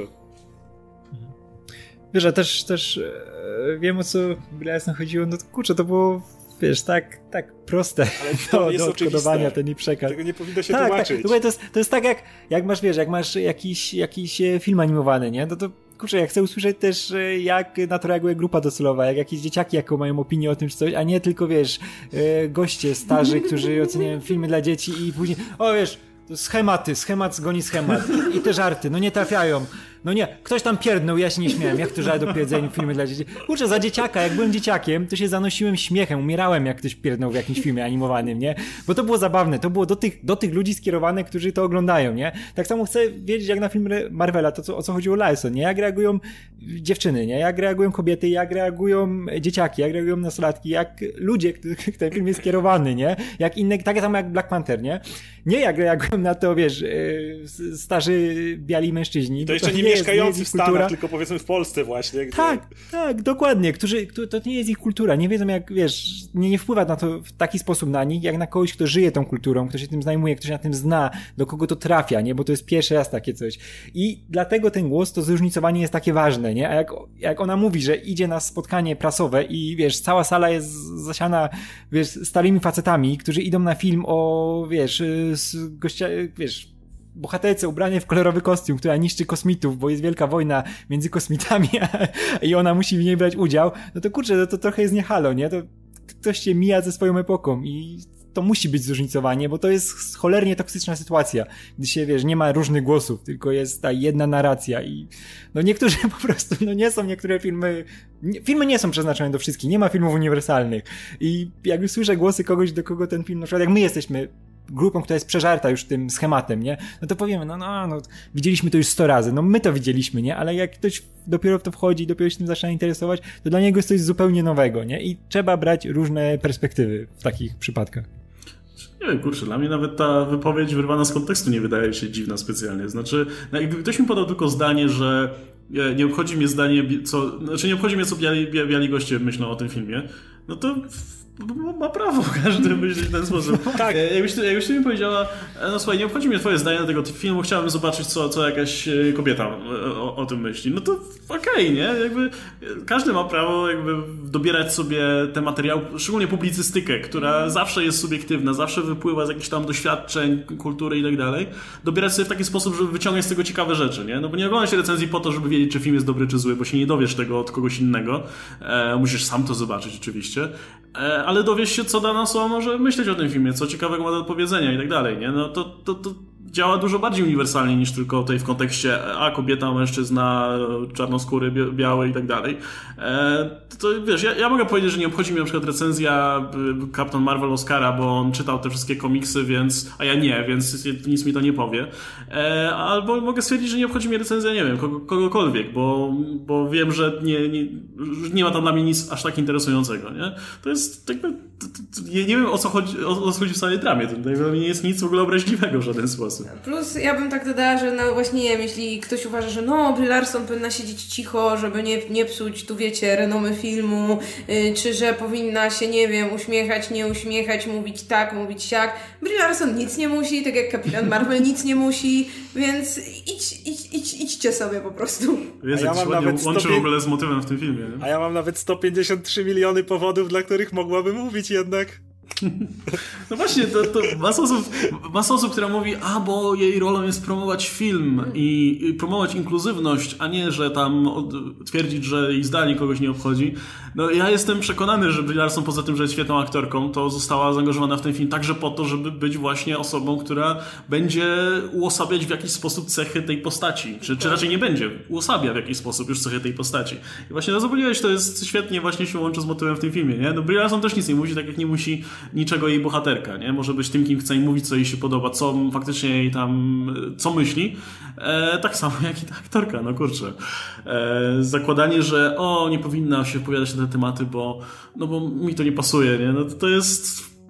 No, nie wiem, jak to określić, szczerze mówiąc, no ale... No... Ale w ogóle, jak wiesz, jak, jak też masz te głosy, że te filmy Marvela, bo one są popularne i ten one powinny od, odchodzić daleko, wiesz, nie powinny tam być ideologii, polityki, ale kurczę, nie da się zrobić filmu, który zupełnie jest, wiesz, pozbawiony tego, bo jednak scenarzyści, pisząc scenariusz filmu, są przesiągnięci tym, co się dzieje tu i teraz, nie? I jakie są problemy w tym czasie i na które trzeba, wiesz, w jakiś sposób odpowiedzieć i mają potrzebę to robić, nawet, wiesz, nie w jakiś otwarty sposób, ale chociaż symbolicznie zaznaczyć to, więc to zawsze będzie, nie, nie, to, to mi zawsze zwala, że nie ma filmu, który zupełnie jest tego pozbawiony, bo się nie da tak, tak wiesz, mówić o, o świecie, o czymkolwiek, bez odnoszenia się do tego, co jest e, tu i teraz. I to, czym są przesiągnięci na przykład scenarzyści właśnie, czy, czy twórcy tego filmu.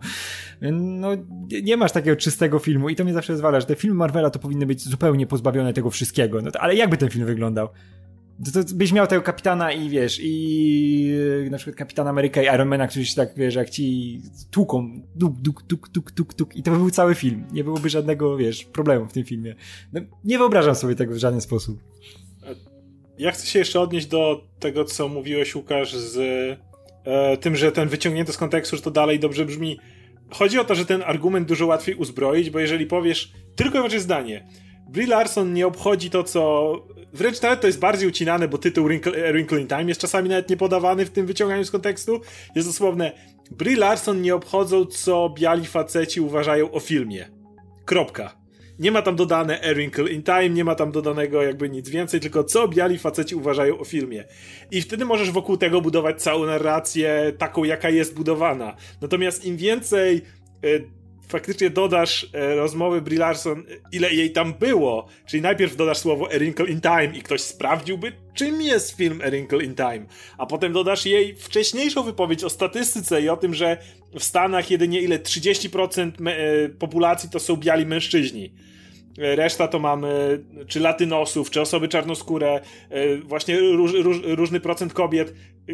I, a prawie 70% wszystkich krytyków to są biali faceci, albo na przykład to, że jedynie 2,5% krytyków to są kobiety o innym kolorze skóry, kiedy jest to 20% społeczeństwa, no to nagle zaczyna wchodzić ci fakty, inne rzeczy, które bardzo psują budowanie własnej narracji.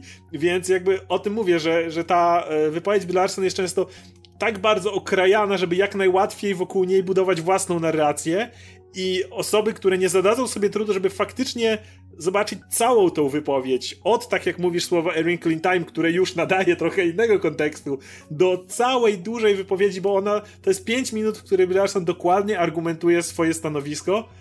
No to jest, to jest właśnie te, ten problem y, głuchego telefonu i ciągły i tego naszego społeczeństwa plotek, że jeżeli portal XY napisze to jeszcze w lidzie na przykład, albo w ogóle w tytule, wali jakiś taki gorący tytuł, to już nagle moja mentalność i moje argumenty kierują się tym, i bo gdzieś słyszałem, bo gdzie nie sprawdzając czym jest ten portal, skąd wziął te informacje, mówię, od tego, kto będzie grał Batmana, do dużo toksyczniejszych sytuacji, które związane są z Jashem. O tym mówiłem przy wyciąganiu z kontekstu.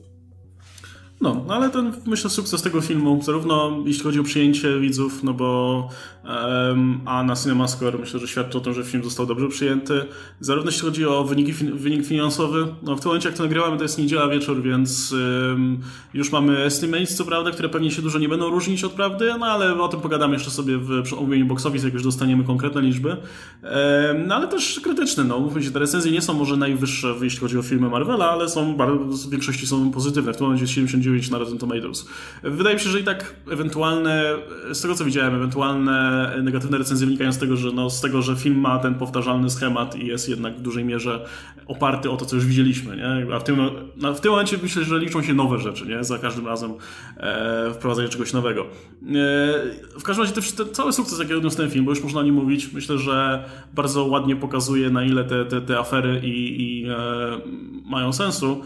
No i przede wszystkim też pokazują, że kto wie, czy ta cała afera, ta, ta drama, która się rozgrywała tutaj zakulisowa z tym filmem, e, nie odniesie tutaj dobrego skutku. Bo przez to, że było głośno w tym filmie o tym kontekście, a ostatecznie okazało się, że to nie ma znaczenia dla widzów zupełnie, a może wręcz przeciwnie, może dużo widzów się dowiedziało dzięki temu o tym, o, o, o tym filmie. Czy pewnie wiedziało, ale wiesz, y, może w jakiś sposób mobilizowało to część widzów, żeby faktycznie iść do kina, zrobić na złość i, i ogólnie, wiesz, z, e, obejrzeć ten film.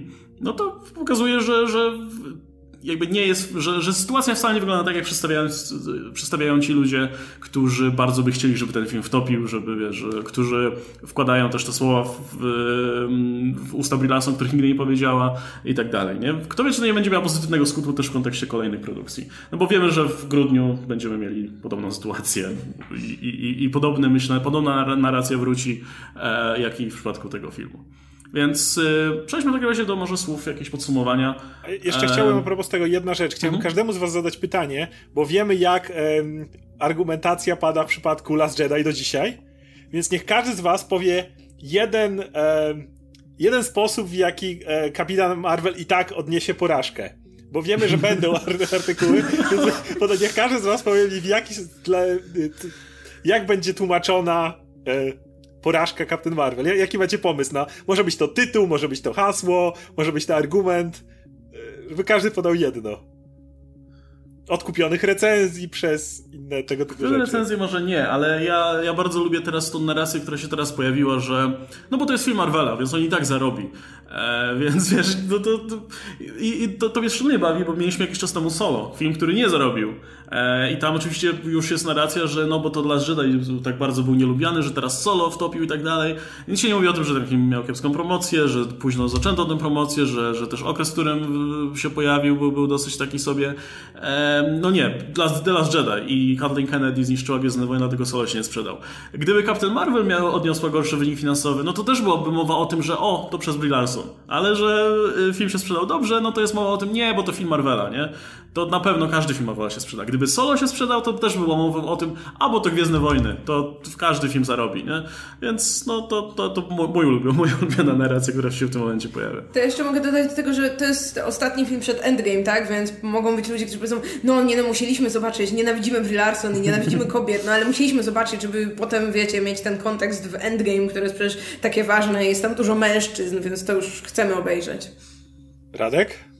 No totalnie przekupione. Disney wykupił bilety, wiesz, na, natrzaskał tej kasy. Co to dla nich, wiesz... No i w e, Rotten Tomatoes do... dali pieniądze, żeby usunęli część negatywnych tak, recenzji. Tak, no? tak. No co, co to dla nich takie 50 milionów biletów, wiesz, wydać na bilety, żeby podbić tam ze stówy do tych 150, nie? No to jak, wiesz, jak, jak machnąć ręką.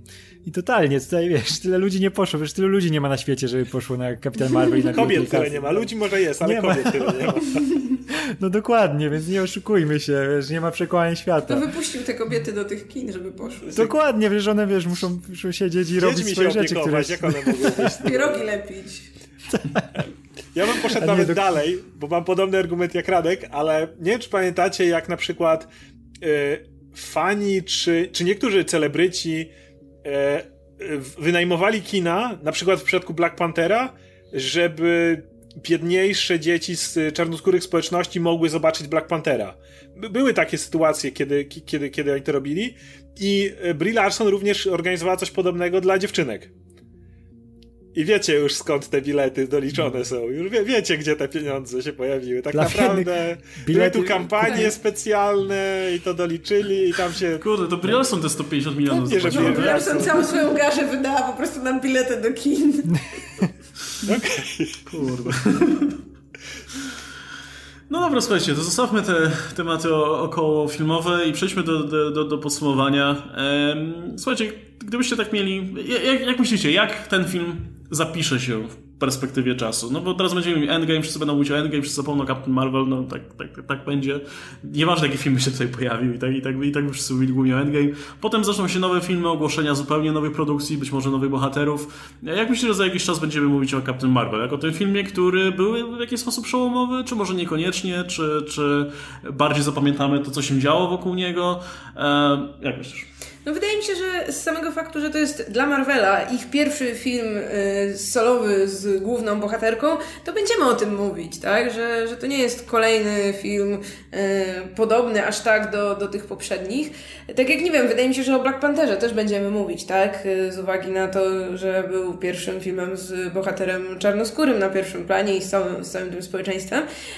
I wydaje mi się, że, że właśnie po latach nie będziemy aż tak wspominać tego, że, no, że był trochę generyczny, nie będziemy wspominać tych rzeczy, które, które powtarzał, które robił nie tak, no tylko, że właśnie będziemy raczej mieć w pamięci te, te rzeczy, które gdzieś tam były nowe, które wprowadzono do uniwersum.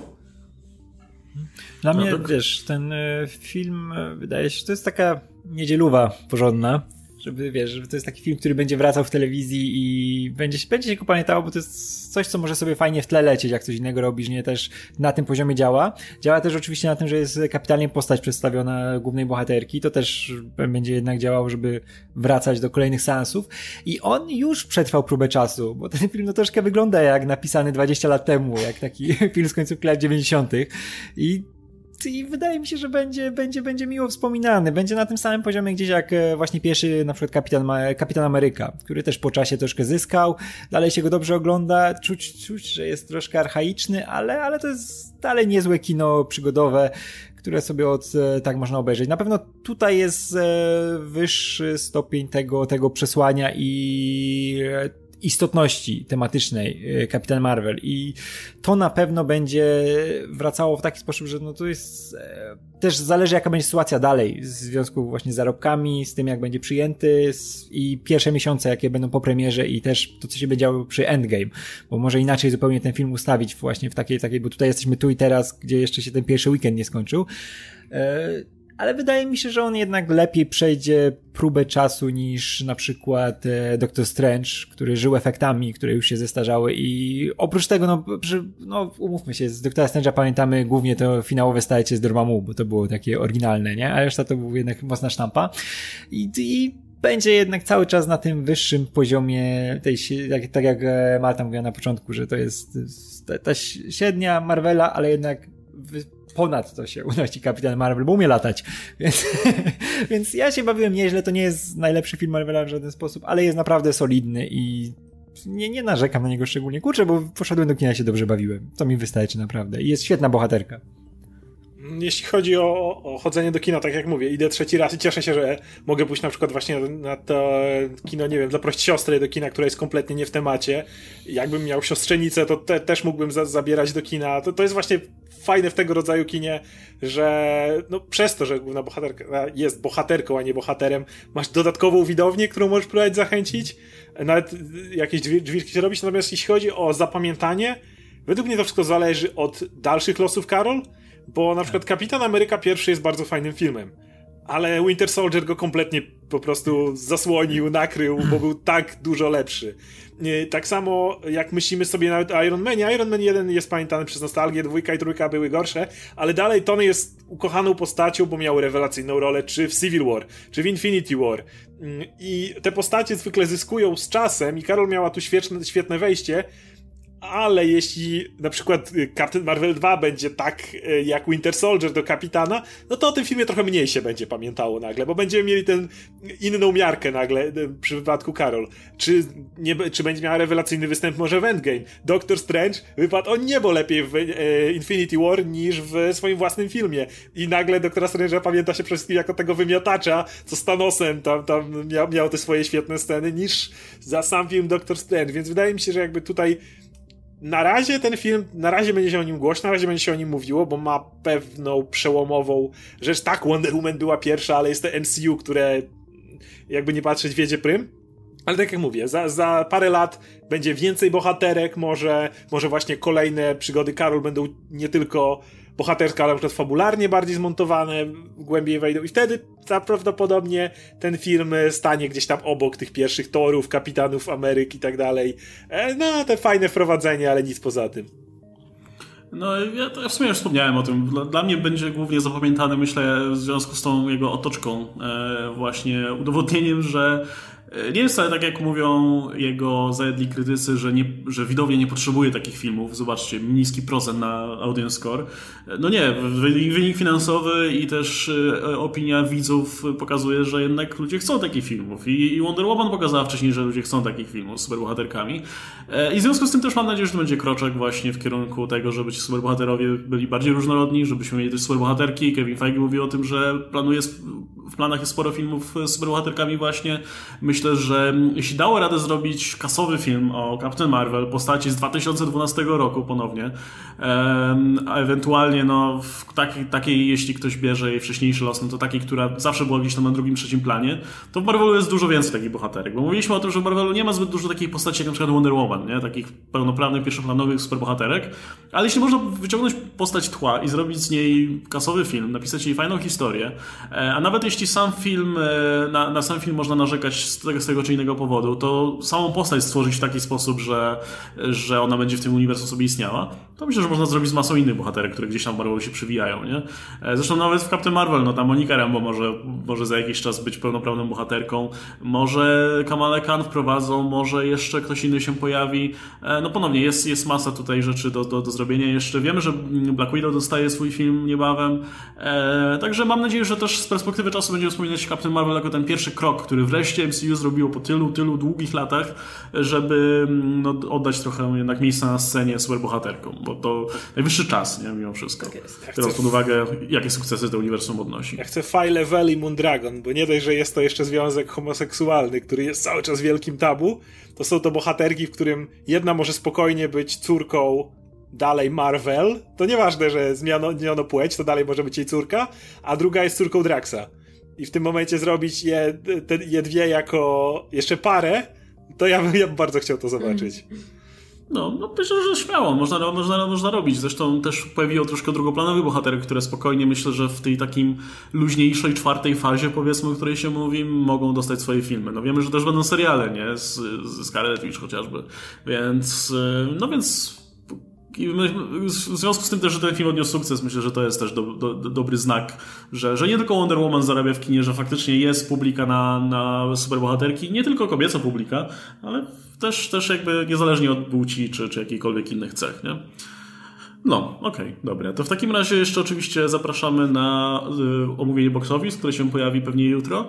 E, już teraz widzę, są właśnie w miarę tutaj już wyniki się pojawiają na box office Mojo. 455 właśnie milionów jest tutaj łącznie, więc film się zwrócił. Już. Więc a propos tego, a propos tego, jak, a propos tej właśnie walki między Alitą, Battle Angel, te, że tego filmu chce, chce publika, takich filmów chce publika, a nie Captain Marvel, no to chciałem zauważyć, że Alita się nie, póki co chyba jeszcze nie wyszła na zero, a Captain Marvel zrobiła to w pierwszym tygodniu. To tak a propos. No ale to oczywiście film Marvela, więc mm. musiało tak być.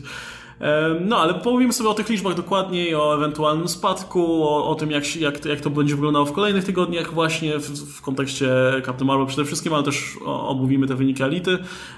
Natomiast y, myślę, że jeszcze jakieś materiały o Captain Marvel będą na naszych kanałach, pewnie, e, pewnie jeszcze, jeszcze będzie okazja do tego tematu wrócić. No i zobaczymy, jak dalej zarobki będą wyglądały, jak dalej dyskusja też na temat tego filmu będzie wyglądała. Nie? E, no, a to jest był w sumie chyba pierwszy, pierwsze omówienie dużego hollywoodzkiego filmu tutaj na nawisach końcowych. No, będziemy to robić dużo częściej. Niedługo, za jakiś czas kap, inny Kapitan Marvel, czyli Shazam się pojawi. Też sobie o tym pogadamy. Już, już tutaj chłopaki mówili o bardzo dobrym przyjęciu tego filmu. No i zobaczymy sobie. Będziemy się, myślę, widywać troszkę częściej właśnie w ramach takich dłuższych omówień. Kto wie, może właśnie nie tylko w męskim gronie.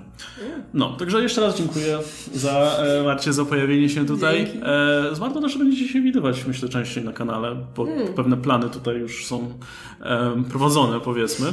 E, a poza, poza Martą był też Oskar Rogowski, Radek Pisula, jeśli nazwał Łukasz Stelmach. No i dajcie znać oczywiście w komentarzach, jak wam film wyszedł i tutaj możemy oczywiście dyskutować już spoilerowo, także zachęcamy też do dyskusji. Trzymajcie się, do zobaczenia, cześć!